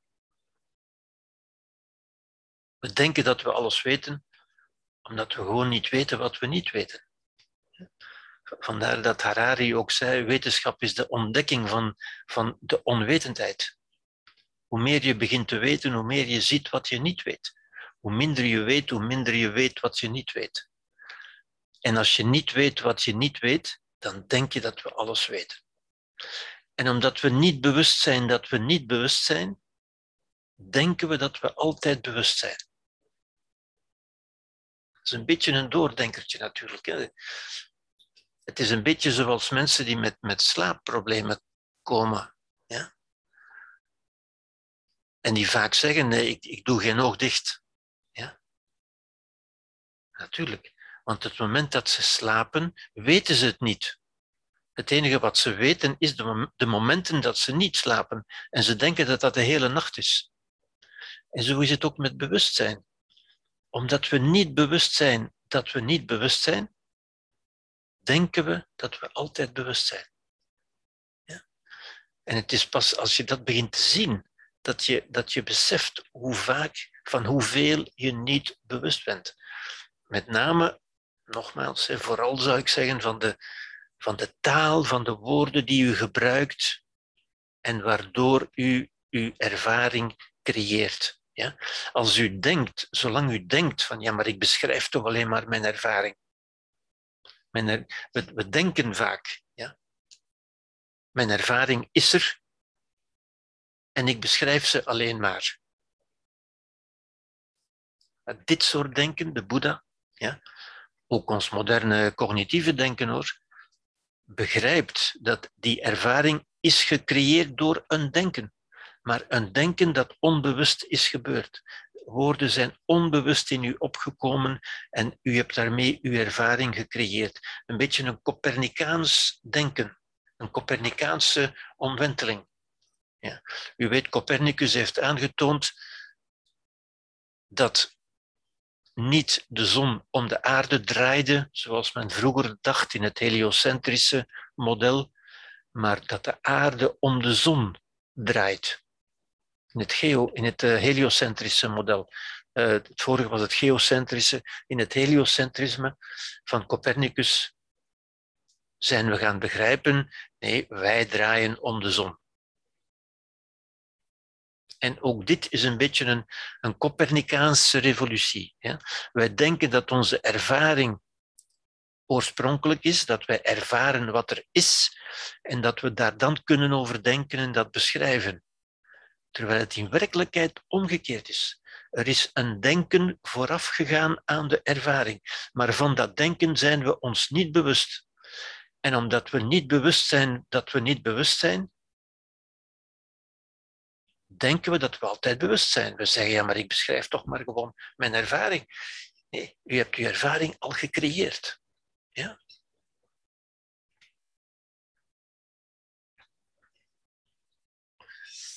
Oké, eh, de juiste concentratie. Ook dat, uh, concentratie is bewuste aandacht. Sluit natuurlijk aan bij het vorige. Ja. Ik zou zeggen, leven in fullscreen mode. Wat wil dat zeggen? Wel, fullscreen mode, dat is, u weet dat u de vensters op uw, op uw computer ook op volledig scherm kunt zetten. Nu, vele mensen, en ik ook trouwens, leven vaak met, met vele schermen tegelijk open, die zo half over elkaar staan, ja, waardoor eigenlijk onze aandacht ook vaak van het ene naar het andere getrokken wordt. Hè. En het idee is van leef in fullscreen mode. Doe waarmee je bezig bent hier en nu, zonder tegelijk aan die andere dingen te denken. Ja. Is ook maar een beeld natuurlijk. Hè. Wat er is, wat er is, is altijd zo goed als het nu kan zijn. Dat is een gedachte die tot, ervaring, tot aanvaarding kan leiden natuurlijk. Hè. Als u zich afvraagt waarom is dat nu niet beter wat er nu is, of waarom ben ik nu niet beter, of waarom is die andere persoon nu niet beter, wel omdat die nu niet beter kan zijn. Het is zo goed als het nu kan zijn. Het is zo volmaakt als het nu kan zijn. Het is zeer onvolmaakt en tegelijk zo volmaakt als het nu kan zijn. Ook weer een, een, een diepe gedachte uiteindelijk. Ja? En tevens, je krijgt altijd de les die je nodig hebt. Ja? Zoals ik in, in een van de vorige plaatjes ook heb gezegd, uh, aanvaard elke dag, want elke dag is ofwel een aangename ervaring op zichzelf, ofwel een goede les. En dan is het de les die je nu nodig hebt. Of het wordt een goede herinnering. Bijvoorbeeld concentratie op adem, zoals ik al gezegd heb. Concentratie op het lichaam. Concentratie op het leven hier en nu. Zoals in de muziek, zoals u naar muziek luistert. Ja. En ik vind dat ook een, een mooi beeld. Ook wat ik daarnet zei, dus ook die fullscreen mode eigenlijk. Hè.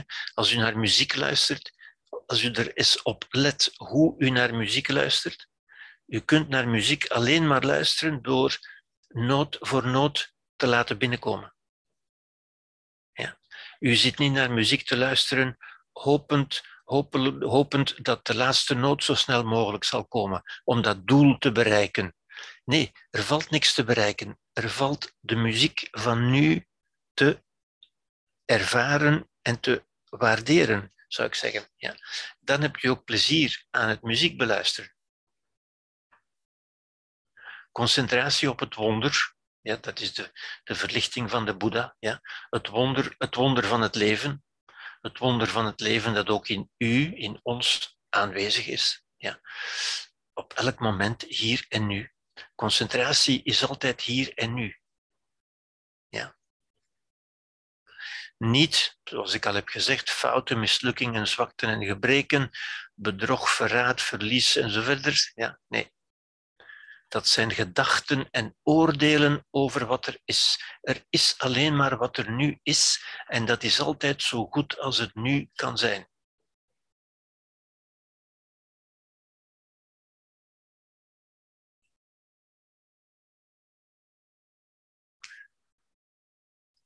Een laatste verhaal hierbij, het verhaal van meester Hakuin. Meester Hakuin, zenmeester Hakuin,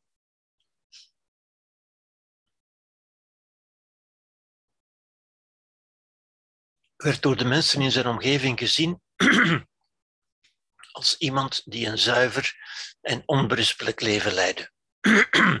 Hij had een grote reputatie en vele mensen kwamen hem om advies vragen. Op een bepaald moment eh, in dezelfde straat woonde ook een knap meisje, de dochter van de kruidenier. En op een bepaald moment bleek dat meisje zwanger te zijn. En de ouders van dat jonge kind waren hevig ontsteld en wilden weten wie de vader was. Maar het meisje wilde dat niet zeggen en, en wou niet toegeven wie de vader van het kind was. Maar die ouders bleven natuurlijk pressen en aandrukken en uiteindelijk zwichtte het meisje en het meisje zei, het is Hakowin. Het is Hakowin geweest. Hoewel Hakowin absoluut niets met deze toestand te maken had. Maar dus dat meisje beschuldigde wees met de vinger naar Hakowin.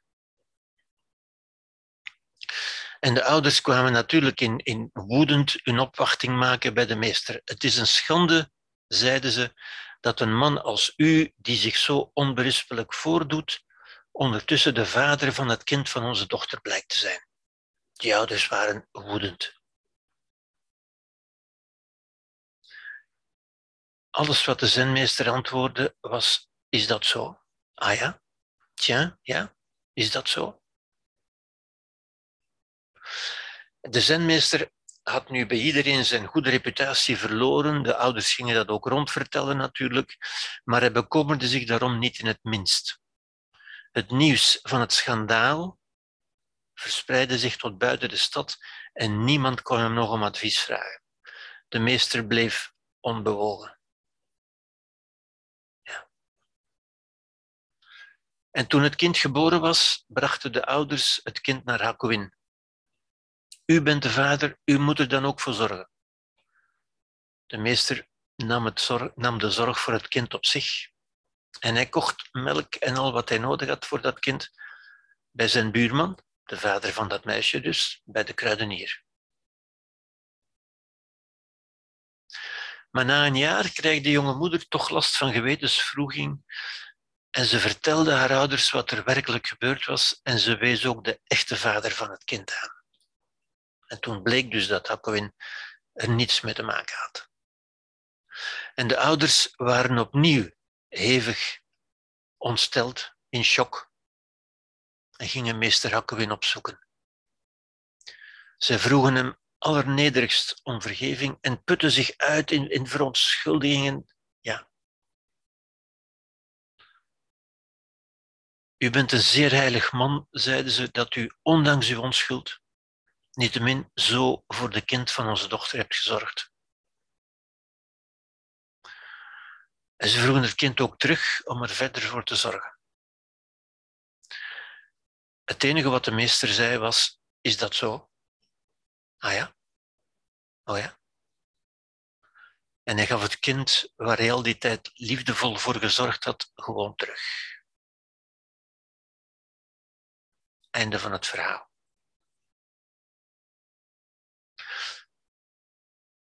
Wat u in dit verhaal uitgenodigd wordt te zien, dat is een beetje zoals bij de Chinese boer natuurlijk, ja. dat er zich allerlei zaken in zijn leven afspeelden waar hij onbewogen onder bleef. Dat onbewogen zijn, omdat hij op geen enkel moment zich verzette tegen wat er was. Hij aanvaarde wat er was. Hij was op elk moment, viel hij samen met zichzelf, aanvaarde hij het moment.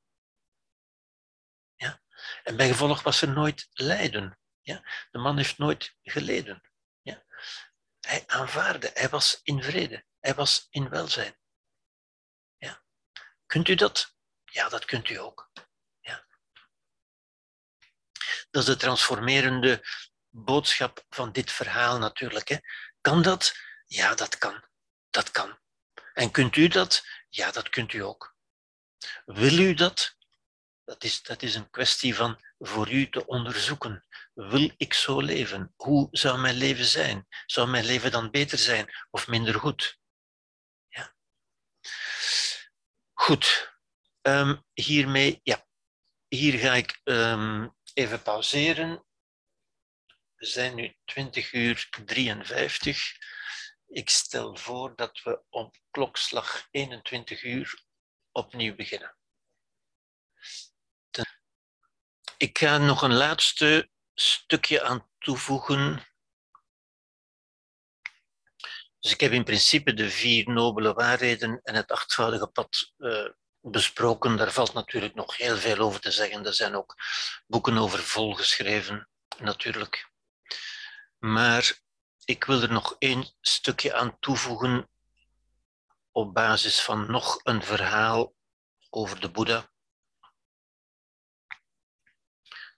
Namelijk het verhaal van de belediging van de Boeddha. En de Boeddha zat weer te onderrichten, te vertellen tegen zijn leerlingen die hier achter zaten natuurlijk. En plots was er een man die tussen beiden kwam en die de Boeddha begon te beledigen. Toen een man op hem afkwam en hem beledigde en hij spuwde hem in het gelaat. Zo verafschuwde hij de Boeddha en maakte hem uit dat hij een charlatan was, dat hij niet wist waar hij het over had, dat hij het alleen maar voor het geld deed en zo verder en zo verder. Hij beledigde hem en hij spuwde hem in het gelaat. En de Boeddha veegde zijn gezicht af, bleef onbewogen en vroeg: En wat wil je nog meer zeggen? Marananda, de lievelingsleerling, die naast de Boeddha zit, zei: Dit is toch te veel, dit kunnen we toch niet toelaten. Als we deze man niet straffen, zal weldra iedereen dit gaan doen. Ananda was, was opstandig en zei: Dit kan toch niet, kunnen we toch niet aanvaarden. Maar de Boeddha zei: Zwijg tegen Ananda. Zwijg. Deze man heeft mij niet beledigd maar jij beledigt mij tegen zijn leerling. Deze man kent mij niet, maar moet iets over mij gehoord hebben. Hij kent mij niet. Hij spuwde dus niet op mij, maar op zijn idee over mij. Als je dieper nadenkt, heeft hij op zijn eigen geest gespuwd. Ik ben daar geen deel van. Maar ik kan zien dat deze man iets wil zeggen, maar niet over voldoende taal beschikt. Daarom vraag ik, wat wil je nog meer zeggen?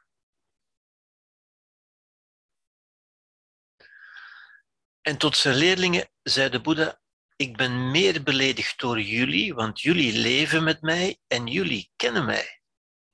Deze man kende mij niet, maar jullie kennen mij wel. En de man zelf, de man in kwestie, ging volkomen van zijn stuk. Hij had zo'n reactie natuurlijk niet verwacht. Ging volkomen van zijn stuk en in de war weer naar huis, maar kon de hele nacht de slaap niet vatten. En de volgende ochtend kwam hij terug naar de Boeddha en wierp zich aan zijn voeten. En de Boeddha zei opnieuw, wat wil je nog zeggen? Want ook dit, dit aan mijn voeten werpen, ook dit is een manier om iets te zeggen waarvoor geen woorden zijn. En de man zei, vergeef mij, Heer. En de Boeddha zei, vergeven. De man waarop je gisteren gespuwd hebt, die is er niet meer.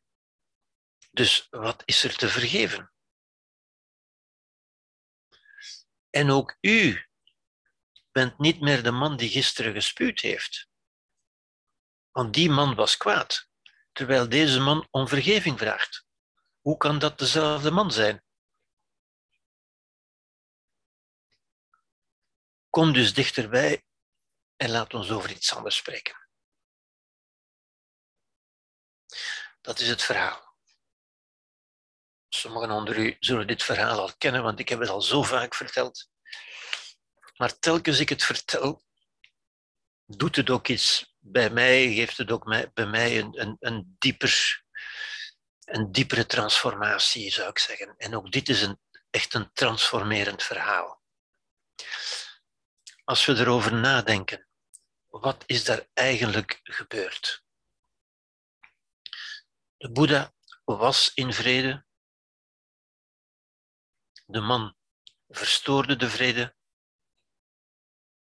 Maar de Boeddha bleef in vrede.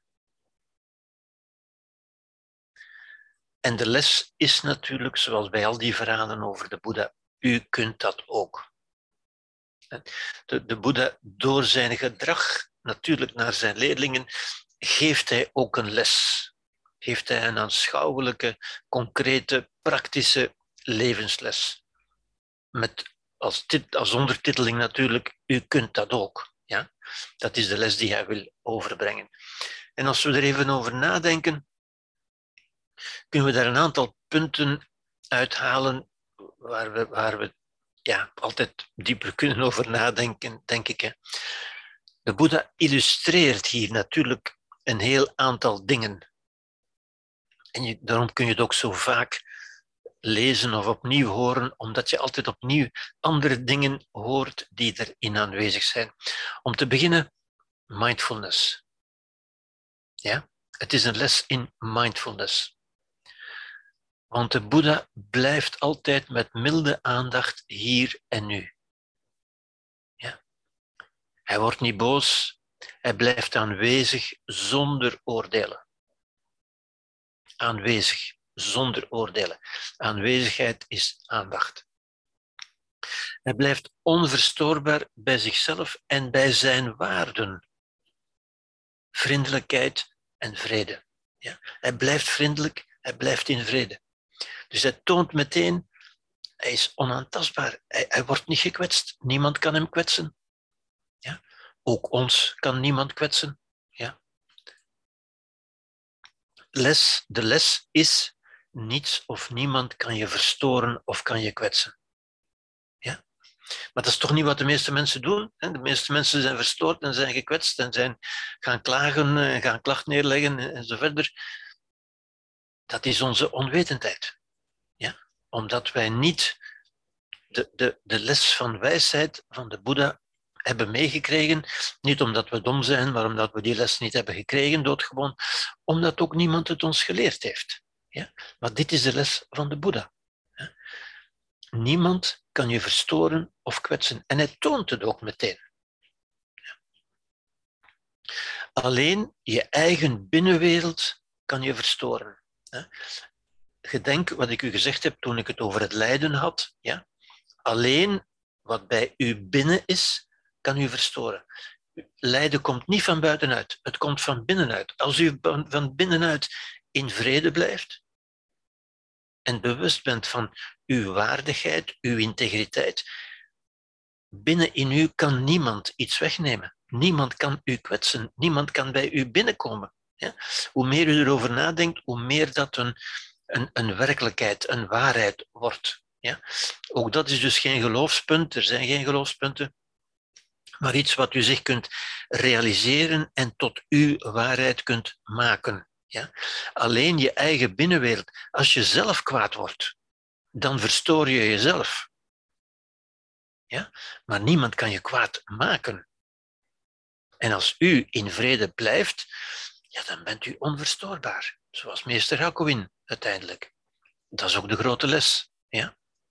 Wat je echt bent, wat je bent, is onaantastbaar.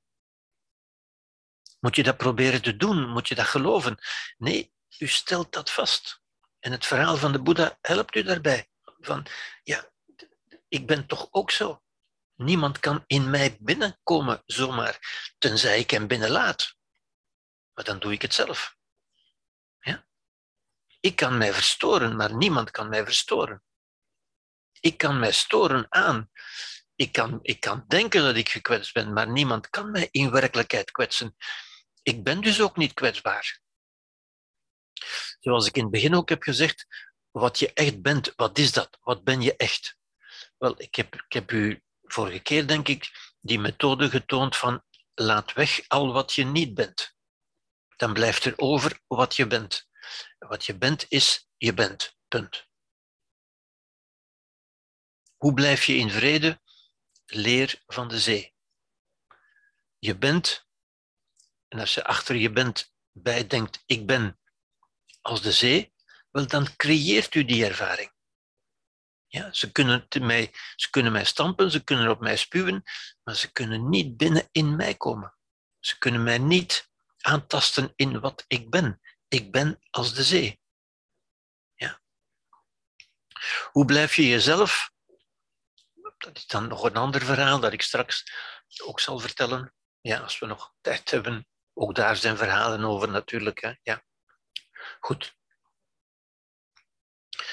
De Boeddha vertelt, ja, dit heb ik al verteld, uh, dit ga ik nu doorheen gaan. Dus zorg dat je zo groot bent als de zee. Ja. En dat beeld is, is, is enorm transformerend, denk ik. Als u niet meer over uzelf denkt van ik ben en dat invult met kwetsbaar of overgevoelig of zoiets, maar als u denkt ik ben en u vult daarachter in zo groot als de zee, dan creëert u dat. Dan is dat wat u bent omdat u dat creëert. De creatieve, die, dat creatieve moment, die creatieve kracht van de woorden die u uitspreekt, van uw woorden, uw gedachten. Ja? Remember wat, in, wat Lao Tse zei, dat is wat u bent en dat is wat u wordt. Ja? Goed, de Boeddha, zelfs zij die u haten, kunnen u niet kwetsen, tenzij u ze op uw beurt gaat haten en dan kwetst u uzelf. Ja? Wat een enorme, wat een enorm inzicht uiteindelijk. Ja? Een transformerend inzicht. Um, Ah, het verhaal van de schorpioen staat hier al. Ja. Een meester zag een schorpioen die in het water aan het verdrinken was en hij probeerde hem te redden. Toen hij dit deed, werd hij door de schorpioen gestoken. De schorpioen stak hem. Pijn.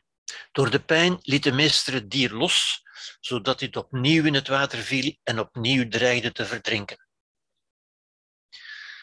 En de meester probeerde hem opnieuw uit het water te redden en de schorpioen stak hem opnieuw.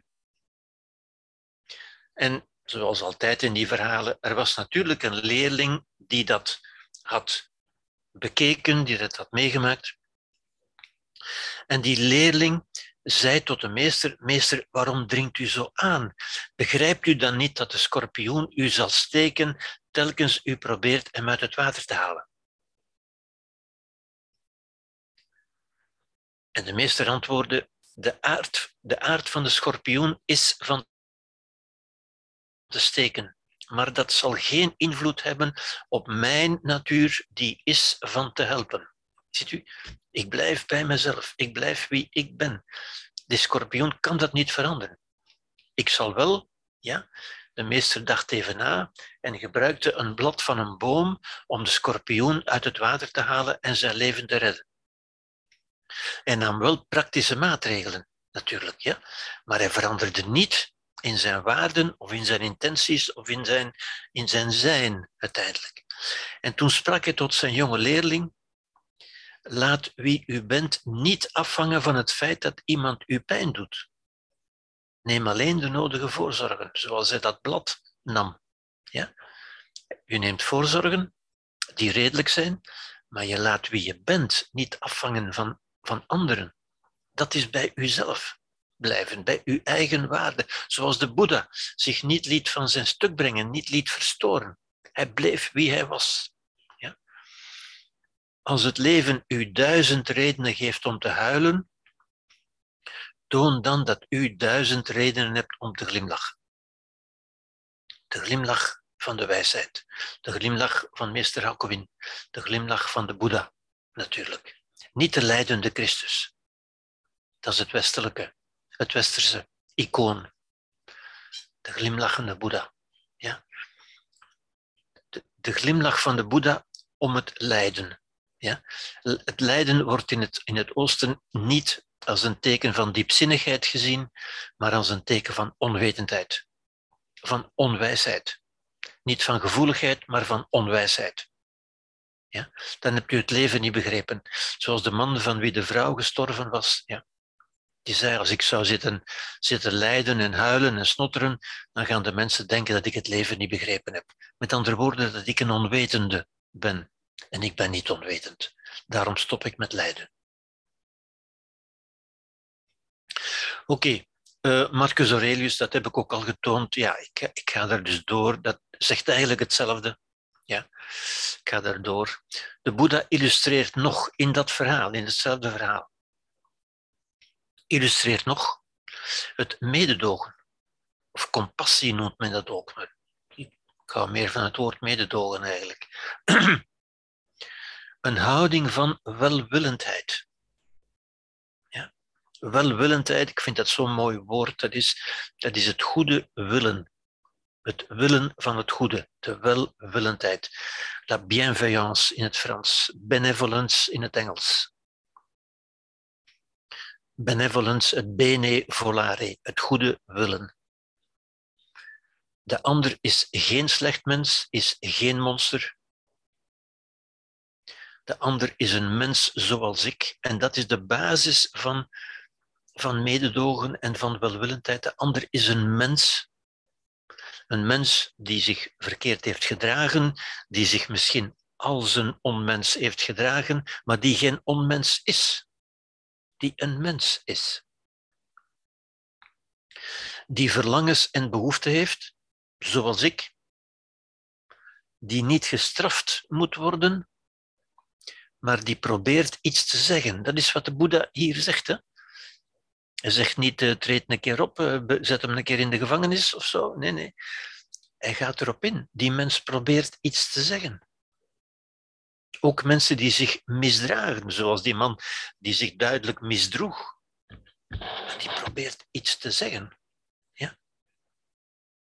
en niet over een adequate taal beschikt, niet over de juiste manier beschikt, niet over de juiste woorden beschikt, niet over de juiste zelfbeheersing, het achtvoudige pad, niet over die wijsheid beschikt om dat op een beschaafde manier te kunnen zeggen. En dit is, en mensen vergissen zich daarin, ze gaan dan discussiëren, ja, maar dat is toch niet zo. Het gaat er niet over of dat zo is. Ik neem dat, of de Boeddha neemt dat als uitgangspunt. Niet omdat hij dat heeft vastgesteld, maar hij gaat daarvan uit. En dat is belangrijk. Je gaat niet discussiëren over of die mensen normale verlangens en behoeften heeft. Nee, je gaat daarvan uit. Dat is een uitgangspunt. Geen vaststelling. Belangrijk. De Boeddha illustreert nog vergeving. Waar we het over gehad hebben, waar mensen het zo vaak over gehad hebben. Ja? Voor wie begrijpt dat de ander geen slecht mens is, valt er niets te vergeven. Voilà, opgelost. Moet ik dat vergeven? Kan ik dat vergeven? Er valt niets te vergeven. Als je begrijpt dat de ander geen slecht mens is, maar een mens met menselijke verlangens en gevoelens, maar die alleen niet over die wijsheid beschikt, omdat hij ze om, om welke reden dan ook niet heeft meegekregen. Het is, het is een sukkelaar.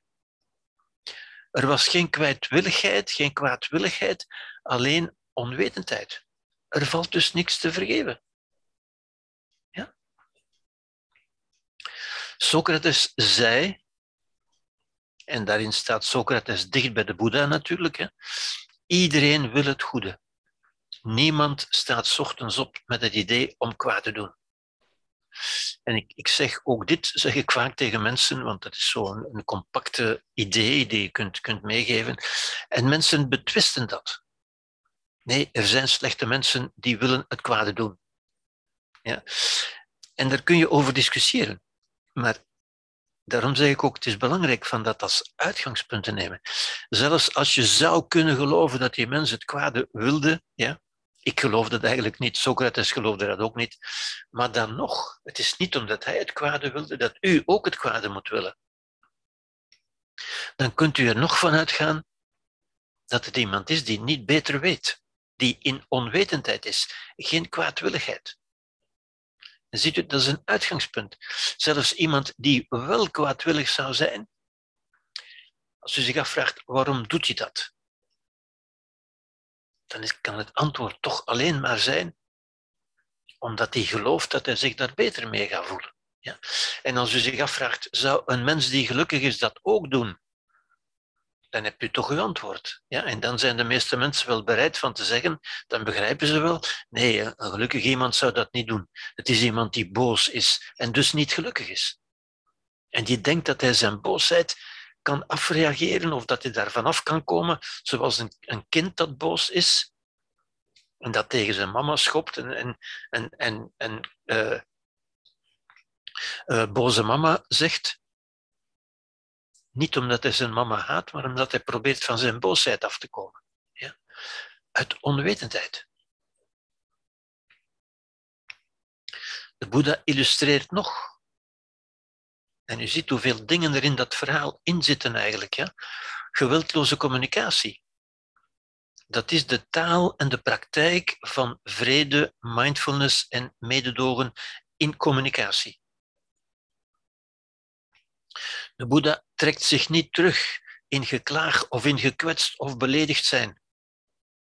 Nee, hij blijft aandachtig voor de behoeften en de verlangens van de ander. En hij zegt, wat wil je nog meer zeggen? Wat wil, wat wil je eigenlijk zeggen? Ja? Die welwillendheid. Ervan uitgaan dat de ander iets wil zeggen. Ook mensen die, die, die zich misdragen, willen iets zeggen. Willen zeggen dat ze, dat ze het niet meer aan kunnen, dat ze ontevreden zijn, dat ze het niet meer zien zitten. En ze hebben daardoor niet een beschaafde manier. die de ander alleen maar onhandig uitdrukt. Heeft aandacht voor de behoeften en de verlangens van de ander die die ander alleen maar onhandig uitdrukt. Hij heeft daar niet de goede taal voor, hij heeft daar niet de beschaafde communicatiemiddelen voor. Heeft die gewoonte niet, hij heeft dat niet geleerd om een of andere reden. Hij klaagt niet over een gebrek aan respect, of over discriminatie, of over wat dan ook. Hij klaagt absoluut niet. Hij zoekt niet te straffen of genoegdoening te krijgen. Zelfrespect. Een belangrijk inzicht is dat de Boeddha door zijn waardig gedrag anderen een les geeft zonder belerend te zijn. Uiteindelijk is het hele, het hele gebeuren is een les, wordt door de Boeddha gezien als een les. Hoe men zichzelf behandelt, en dat is wat de Boeddha ook toont, hoe wij zichzelf behandelt, is voor anderen een model van hoe men benaderd en behandeld wil worden. Respect kan niet geëist worden, het moet verdiend worden. U verdient het door je op een respectvolle, waardige manier te gedragen. Opnieuw vind ik zo mooi uh, van uh, Michelle Obama natuurlijk. Hè. When they go low, als ze in je gezicht spuwen, when they go low, we go high. Dan toon ik het beste in mij. Als die man toont wie hij is, dan toon ik wie ik ben. Ja? Ik ga mij niet op hetzelfde niveau begeven, want dan ben ik niet beter. De Boeddha illustreert nog inzicht in de cognitieve aard van emoties. Toch wel een belangrijk punt, denk ik. Hè? Zo, zoals ik gezegd heb, emoties ontstaan in ons en worden opgewekt, opgeroepen door de woorden die wij bewust of niet bewust of halfbewust in ons aanwezig laten zijn. En we laten ze aanwezig zijn door eraan te denken, of door ze uit te spreken tegen anderen, maar daardoor spreken we ze tegelijk tegen onszelf uit. De cognitieve aard van emoties, dat we zeggen, die emoties worden opgewekt door cognities, door dingen die men gelooft, door overtuigingen. Ja? De Boeddha begrijpt, en hij zegt het ook tegen zijn leerlingen, dat de kwaadheid van de ander niets met hemzelf kan te maken hebben. Remember het verhaaltje van het lege bootje. Ja? Ook zo'n verhaaltje waar, waar, waar, waar je bewust wordt. Er is niemand om kwaad tegen te zijn, dus die kwaadheid kan niet van iemand komen, want er is niemand. Ze kan alleen van mij komen, uit mij komen. Maar heeft niets met hemzelf te maken, maar met iets wat de ander over hem gehoord moet hebben. Dit wil zeggen, een idee in zijn bewustzijn. En hij zegt het ook letterlijk. Die man heeft gespuwd op zijn idee. Hij heeft niet op mij gespuwd, want hij kent mij niet. Hij heeft gespuwd op zijn idee. Op dat wat hij denkt, wat hij gelooft van mij te weten. Ziet u, de cognitieve aard van emoties. De ander spuwt op zijn idee over mij. En de Boeddha gaat nog verder, hij spuwt eigenlijk op zichzelf. Hij vernedert eigenlijk zichzelf door dat te doen. Ja? Alleen een idee in ons, zoals ik dat straks over het lijden heb gezegd, maar ik kan dat niet genoeg zeggen omdat dat zo contra-intuïtief is. Dat gaat zo tegen onze intuïtie in. We zeggen altijd van die heeft mij kwaad gemaakt, die heeft mij angstig gemaakt. Maar het is alleen een idee in ons, in ons bewustzijn, dat ons een emotie kan geven. Wat niet in ons is, kan ons niet doen lijden. Als iemand achter onze rug staat boos te zijn, dan kan ons dat niet, omdat ik het niet weet. Het is pas als ik het weet dat we zeggen, als het in mij, in mijn bewustzijn aanwezig is, kan, het, ik reageren met lijden. Kan het dus lijden veroorzaken. Lijden is, ja, een conflict tussen twee bewustzijnsinhouden, zoals ik uitgebreid heb toegelicht, maar wat we nooit genoeg kunnen bewust van zijn, denk ik. Ja. Niets doet ons lijden. Niets doet ons lijden. lijden is altijd in ons. Wat zeker in deze tijd natuurlijk ingaat tegen, tegen wat, men ons, wat men voortdurend hoort in de samenleving. Oké. Dit is om te, om te eindigen. Als iemand zich zonder uw toestemming van uw lichaam zou willen bedienen, zou u verontwaardigd zijn. Dan zou u, zeker in onze tijd, in onze MeToo-tijd, eh, van, van, van als ze mij aanraken, dan, dan ben ik uh, aangetast, eh, dan ben ik belaagd, en zo verder. Grensoverschrijdend gedrag en, en verder. Dat, waar we terecht verontwaardigd over zijn. Als iemand zich zonder uw toestemming van uw lichaam zou willen bedienen, zou u verontwaardigd zijn. Maar als u aan anderen of aan omstandigheden de macht over uw emoties geeft, dan vindt u dat heel normaal. En u vindt dat zelfs een teken van een bijzondere gevoeligheid. Dit is van Epictetus, eerste eeuw na onze tijdrekening. Bijzonder van toepassing in onze tijd natuurlijk, waar mensen voortdurend gekwetst en, en, en aangevallen en, en, niet goed behandeld zijn en, en zo verder. Ja. We leven in een klaagcultuur waar men voortdurend klacht gaat neerleggen en zo verder. Ja. En waar men het verleerd heeft, dit soort wat de Boeddha demonstreert, dit soort, dit soort onverstoorbaarheid, dit soort onkwetsbaarheid. Integendeel, kwetsbaarheid is een, is een modewoord geworden. U moet durven u kwetsbaar opstellen. Ik zou zeggen, u moet durven uw onkwetsbaarheid tonen. Ja. Maar daartoe moet u er eerst zelf van overtuigd zijn, natuurlijk. Goed, het is 21 uur 30. We zijn dus bijna twee uur bezig. Ik ga het hierbij afronden om ook nog wat tijd te laten voor uw vragen.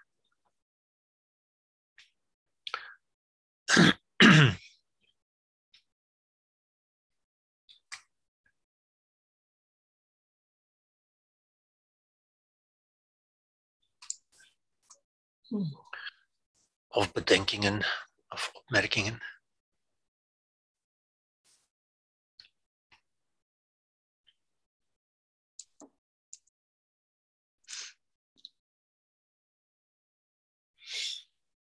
Of voor je stilte.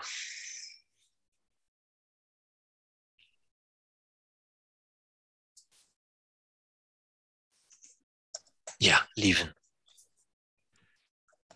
Ik denk dat het het verhaal van Hakuin was, waar we konden uitleren alles aanvaarden, of we moeten leren aanvaarden, heel wat situaties.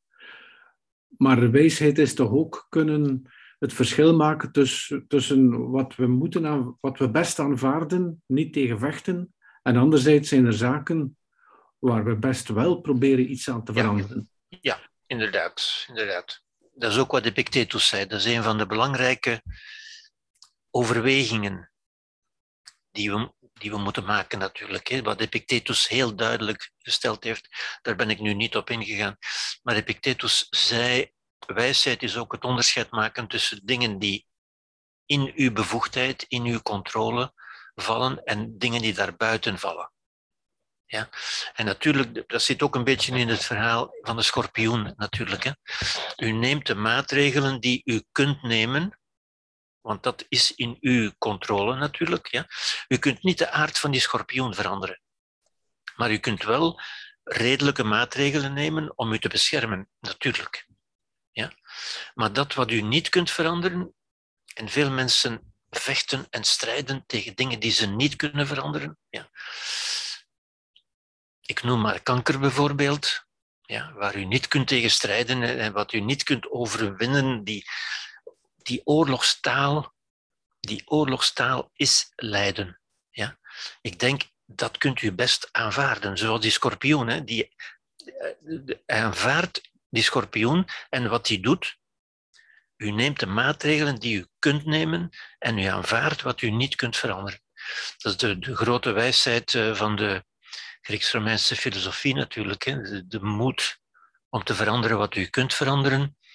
De sereniteit om te aanvaarden wat u niet kunt veranderen. En de wijsheid om het onderscheid tussen beide te maken. Zijn zeer gelijkend het boeddhisme en uh, de Grieks-Romeinse filosofie, humanisme, is zeer gelijkend en ook complementair, omdat ze wat verschillende accenten leggen, maar ze zijn allebei bijzonder waardevol, natuurlijk. Ja. Oké, ja, dat is een goede vraag. Maar u ziet uh, ook, het verhaal van de schorpioen toont het eigenlijk ook duidelijk aan. Hè? Dus u neemt de maatregelen die u kunt nemen. Natuurlijk, u, bent, u, u laat u niet zomaar. Ja. Maar, tegelijk blijft u wie u bent, die u wil, wil zijn. Ja. Dat verhaal van die Hakuines, dacht ik, van uh, ja, die uh, dat kind dan aanvaardt. Het klinkt voor ons toch wat eigenaardig dat hij dat zo gemakkelijk aanvaardt. Hè? Maar goed, het doet ons nadenken wel. Hè? Dat is de bedoeling. Juist. Ja, dat is de bedoeling inderdaad. Ja. Ja. Het is natuurlijk, zoals al die verhalen, heeft het een beetje een utopisch aspect, zou ik zeggen. Hè? Maar dat vind ik ook juist goed. Want dat, dat geeft iets om naar te streven. Hè? Zo iets, iets daarvan kan ik toch ook. Het geeft ook iets aan om van gedachten over te wisselen. Ja. Was dat ook de bedoeling van die verhalen? Dat uh, de monniken onder elkaar, wat betekent dat hier nu? Ja, ja, ja zeker. Ja. Natuurlijk. natuurlijk hè. Het, zijn, het zijn leerverhalen. Hè. Dus, hm. ja. Ja. Zoals allicht de parabels van Christus bijvoorbeeld ook. Hè. Dus, ja. Ja.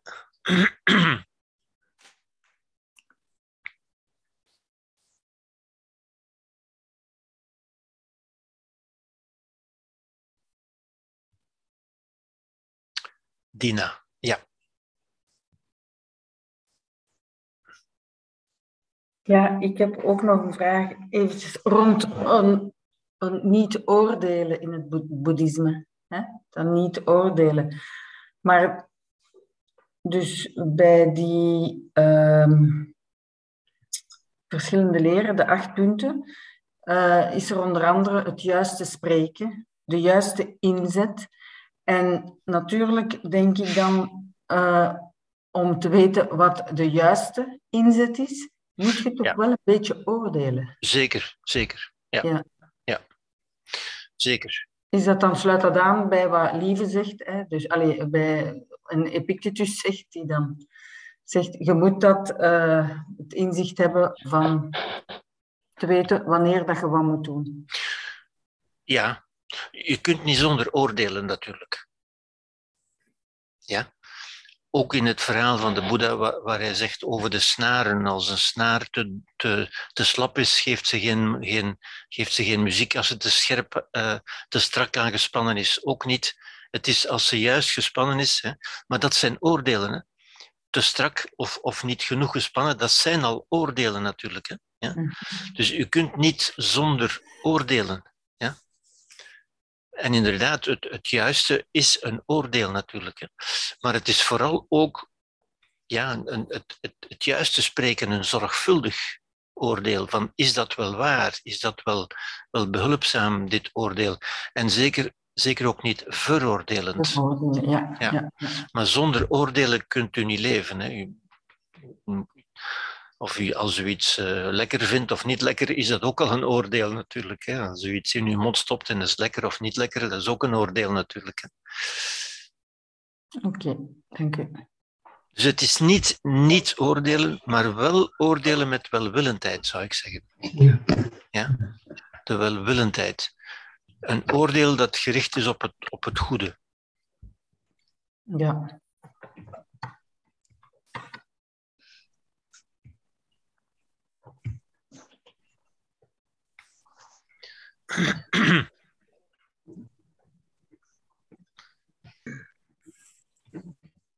Is er nog iemand die het woord wil nemen? Of...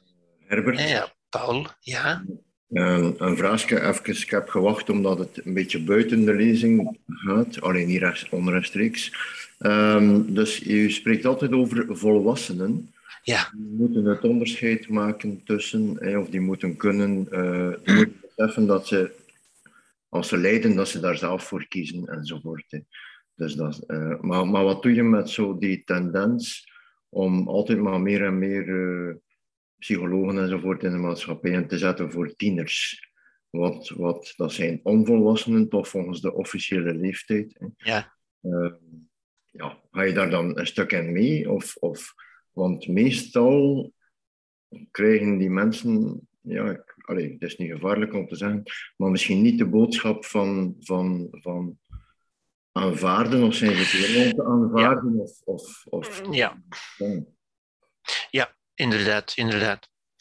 Um, op, op zich zou ik zeggen, is daar niks voor en niks tegen. Hè? Dat die mensen begeleid worden door volwassenen die zich psycholoog noemen of, of een andere titel dragen.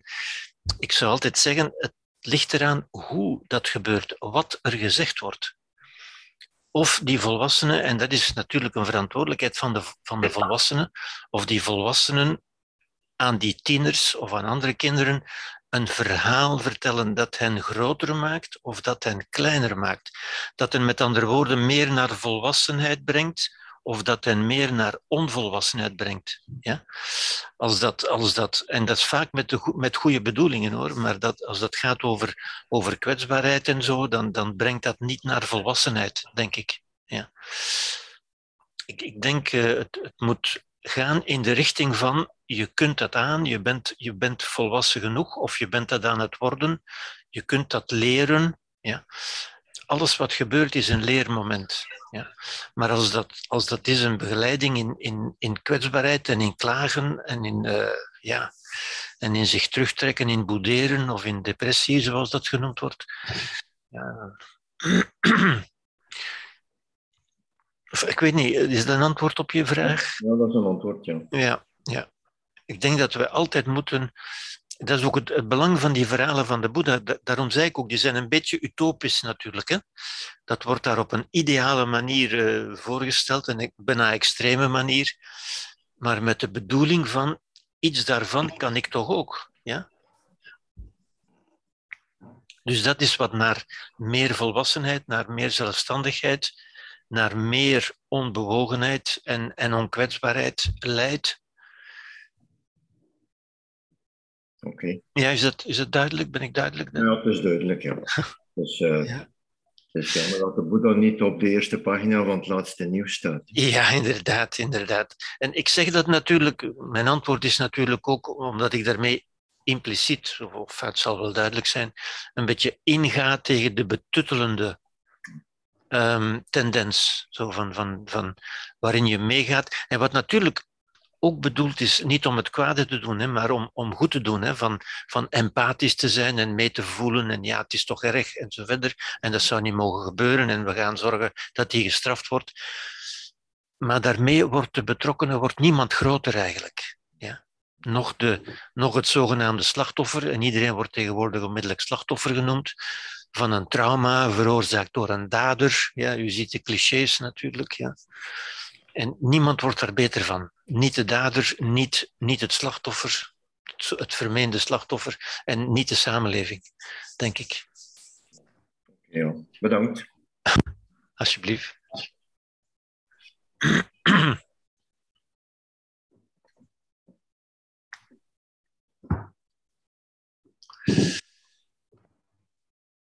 Natuurlijk zijn er ook mensen die tegen dit soort denken ingaan natuurlijk. Hè?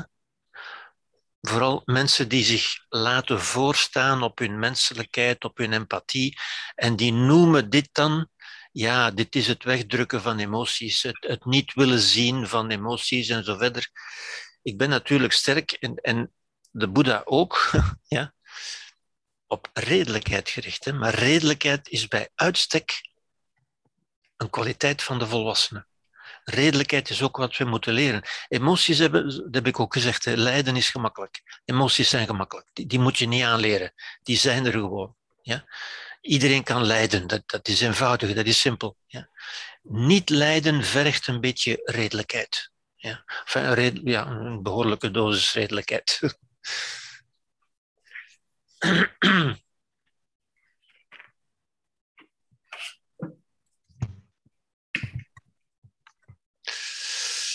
Oké. Ik zie Uh, Hans, Hans ja, ik zie dat je een hand op. Ja, Ja, Gerbert, hoe meer dat ik dit hoor, eh, hoe meer dat ik tot die vaststelling kom dat vrede toch zo belangrijk is. Want al het lijden, maar dan ook al het lijden, begint eigenlijk uit onvrede. alle lijden is onvrede. Ja, Ja, en wat je vorige keer zei, die basislijn, nu begin ik dan meer en meer gaan te begrijpen dat het echt van heel, heel groot belang is, van die lijn. Want Ja. daar vertrekt dan toch alles uit, Ja. die Ja. basislijn. Want Ja. anders kun je dat acht, achtvoudig pad ook niet, niet doen. Hè? Wat het Dina zei van het, het, het, het inzicht, het, het, het Ja. juiste woorden, de, het, het, het juiste eh, in, inleven in het boeddhisme, dat begint toch altijd met dat vrede dan. ja inderdaad. Is- daarom is het ook zo belangrijk, Ja, inderdaad. dat Ja. is eigenlijk de essentie eigenlijk Ja. van, van tot vrede, tot, tot Ja. wijsheid te komen en Ja. naar het boeddhisme te kunnen te, te gaan. Ja. En dat is eigenlijk ook mindfulness natuurlijk. Hè. Dat, is, dat is met milde, niet oordelend aanwezig zijn, zoals de Boeddha toont in dat laatste verhaal. Hè. Dus, dus ik kan het niet beter zeggen dan dat uiteindelijk. Hè. Ja. Ook bij een man die zich zo agressief gedraagt, blijft hij toch met zijn eigen waarden van menselijkheid, vriendelijkheid, welwillendheid. Ja. Ja. Ja, want nu met Dat die is de les verhalen, natuurlijk, hè. Dat is de les, ja. ja, ja, want bij al die verhalen die je verteld hebt, daar hoort je altijd dat de Boeddha in vrede is en Ja. blijft. Ja. En dat andere mens zich Ja. opjaagt, maar telkens is hij altijd in onvrede. Ja. Telkens. Ja. Ja. Ja, dat, Ja, dat is een, een heel belangrijk punt dat je daar vorige keer goed over, over doorgegaan bent, over die lijn hè, van die vrede, dat dat de basis is. Ja. Dat we kunnen voelen dat we eronder of erboven beginnen gaan te gaan. Hè. Ik heb Ja. dat hier nu niet gezegd, geloof ik. Die, Nee, Die Ah, ik dacht dat ik het vorige keer ook over heb ik dat hier gezegd? Ik denk het niet eigenlijk. Enfin, ik weet het niet meer. Oh, dan heb ik het in een ander ding.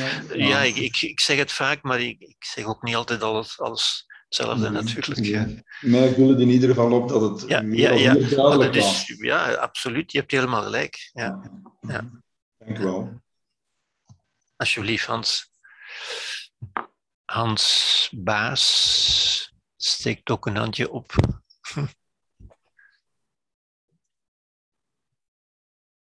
Ja, Gerbert, goedenavond allemaal. Goedenavond, Hans.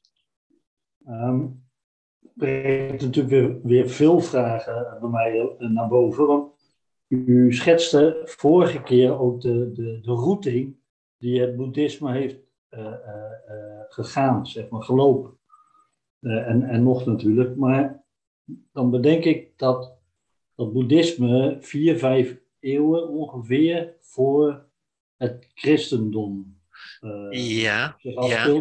ja, Zou, zou het kunnen zijn dat, ik, eh, dat boeddhisme komt op mij zeer, zeer vredelievend over. En, Zeker. Als, als ik dan nu denk aan, aan bijvoorbeeld dat verhaal weer met zo'n- kindermoordenaar die, met die dien. En je past dat dan toe van, joh, maar er was geen kwaadwillendheid. En je moet dat natuurlijk be- bekijken vanuit eh, de man als alleen maar onwetend. Hè. Dat, is een van de diepzinnigste en, en meest kunstige, denk ik, om dat eh, zo, zo te, te aanvaarden uiteindelijk. Ehm, maar kan het dan zijn dat door de eeuwen heen vanuit het boeddhisme, want het christendom dat vertoont veel parallellen, eh, ehm, maar in mijn oog zit in het christendom af en toe wel meer bestraffing. En dat dat zo ook nu naar onze tijd, zo door de eeuwen heen, meer is verhard, eh, mogelijk. Dus ik bedoel, wij, wij kennen nu niet zoveel mededogen met, met eh, ja, ja, ja. Nu, het boeddhisme zegt daarover, dat staat een beetje in de samsara ook, hè? Dat, die figuur die ik u heb uitgelegd. Hè? En eh, het boeddhisme zegt daarover dat mensen die het kwade doen, dat is ook een beetje de karma, het kwade straft zichzelf. wij moeten dat eigenlijk niet, niet gaan bestraffen, want dat bestraft zichzelf. Iemand die, die, die dat doet, die komt dus neer in, in, de, in die sector van de samsara die ik uh, um, aan de onderkant de onmensen heb genoemd. Hè? Ja? Dus die, komt, die, die wordt eigenlijk gekweld door zichzelf. Die straft zichzelf uiteindelijk. Die moet daar ook met zichzelf mee leven. En dat is de straf. Ja. Ja. ja. Het is niet aan ons om, om die te, te, nog verder te bestraffen uiteindelijk. Ja. Of je zou het kunnen omgekeerd zeggen. Ik denk niet, ik, ik denk niet dat iemand die dat in zijn geweten heeft, op zijn, in zijn bewustzijn heeft, dat die gelukkig kan zijn. Ik zal het zo zeggen. Ja. Ja, ja. Dus dat is anders ook als, als bijvoorbeeld in India met dat kastenstelsel. Dat, als je slecht doet, uiteindelijk weer in een slechtere kasten vervalt. Dat is het Hindoeïsme natuurlijk. Hè? Ja, ja, ja. ja. Uh, dat, daar kan ik niet echt op antwoorden. Dat weet ik niet. Weet ik niet. Dank u voor zover. Ja, ja alsjeblieft.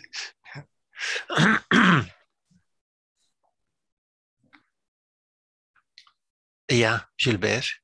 Uh, ik wilde misschien even de vraag stellen in Zen. Samsara en Nirvana, vallen die daar eigenlijk in samen? En ik heb hier zo'n tekstje voor mij. En uh, dat geeft eigenlijk zo'n beetje die hint. Als je de overkant bereikt hebt, kom dan maar terug en leef aan deze kant. Ja. Dat is misschien wat vergaand eigenlijk dat. Uh, ja. Dat, dat is uw vraag. Ja, nu, dat is het idee wat, wat uh, Tishnatan ook altijd verkondigd heeft. Ja? Het idee van het geëngageerde boeddhisme. Ja? Als je voor jezelf het geluk gecreëerd hebt, dan is het ook je, je karmische taak, zou je kunnen zeggen, ja, van het geluk te verspreiden naar de anderen. Dat zijn de bodhisattvas. Ja. ja, inderdaad. In de bodhisattvas, inderdaad. Ja, ja. De bedoeling is niet dat je in een klooster gaat zitten mediteren, maar dat je in de...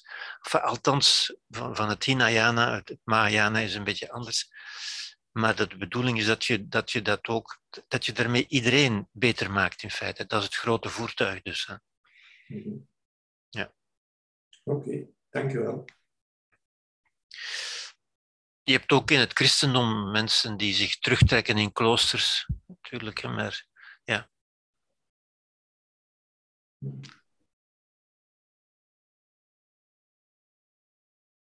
Eigenlijk samsara en nirvana zijn eigenlijk dan, als die samenvallen in het zen, dan is het eigenlijk... Uh... Die vallen niet samen, hè? Die vallen niet samen, hè? Nee, de, de, de samsara is het levenswiel, het wiel van lijden eigenlijk. De eerste nobele waarheid. Het leven is lijden. En daar moet je uitstappen. De nirvana is als je uit die samsara stapt. Ja, nirvana, ligt, nirvana buiten het levenswiel. En we komen er terug naar het gewone leven. Ja, ja maar daar kom je... Wel de, hetgeen dat we als, uh, als uh, verlichte, verlicht persoon ja. hebben meegemaakt en we kunnen dat dan ja. omzetten ja. in ons leven eigenlijk. Ja, ja, ja. Dus je komt, je komt terug in het gewone leven, maar je stapt niet terug in de samsara. Nee, want ik heb hier nog zo'n mooi tekstje, ik wil het voor iedereen eigenlijk. Zen is een keukenfilosofie. De keuken is een heiligdom, in de paproeren een heilige handeling. ja, ja. Van, van wie is dat? Uh, van, ik heb hier het boekje van Ulrich Liebrecht. Ah, van Liebrecht, ja, natuurlijk. Ja, ja, ja, ja. Ja. Ik heb daar alle geschriften van. Ulrich Liebrecht is een, inderdaad een zeer interessant auteur. Ja. Maar die het boeddhisme goed kent. energie eigenlijk, hè? Die het boeddhisme is... goed kent, ja. Ja, ja. ik heb... Ja. Ja, ja. Oké. Okay. Dank u. Goed, als er geen verdere vragen zijn, dan kunnen we hier mee afronden, denk ik. Dan rest mij alleen om u te danken voor uw aandacht, voor uw aanwezigheid, voor uw vragen. En zien wij elkaar bij een volgende gelegenheid. Oké. Dankjewel. Goedenavond. Goedenavond. Goedenavond iedereen. Goedenavond.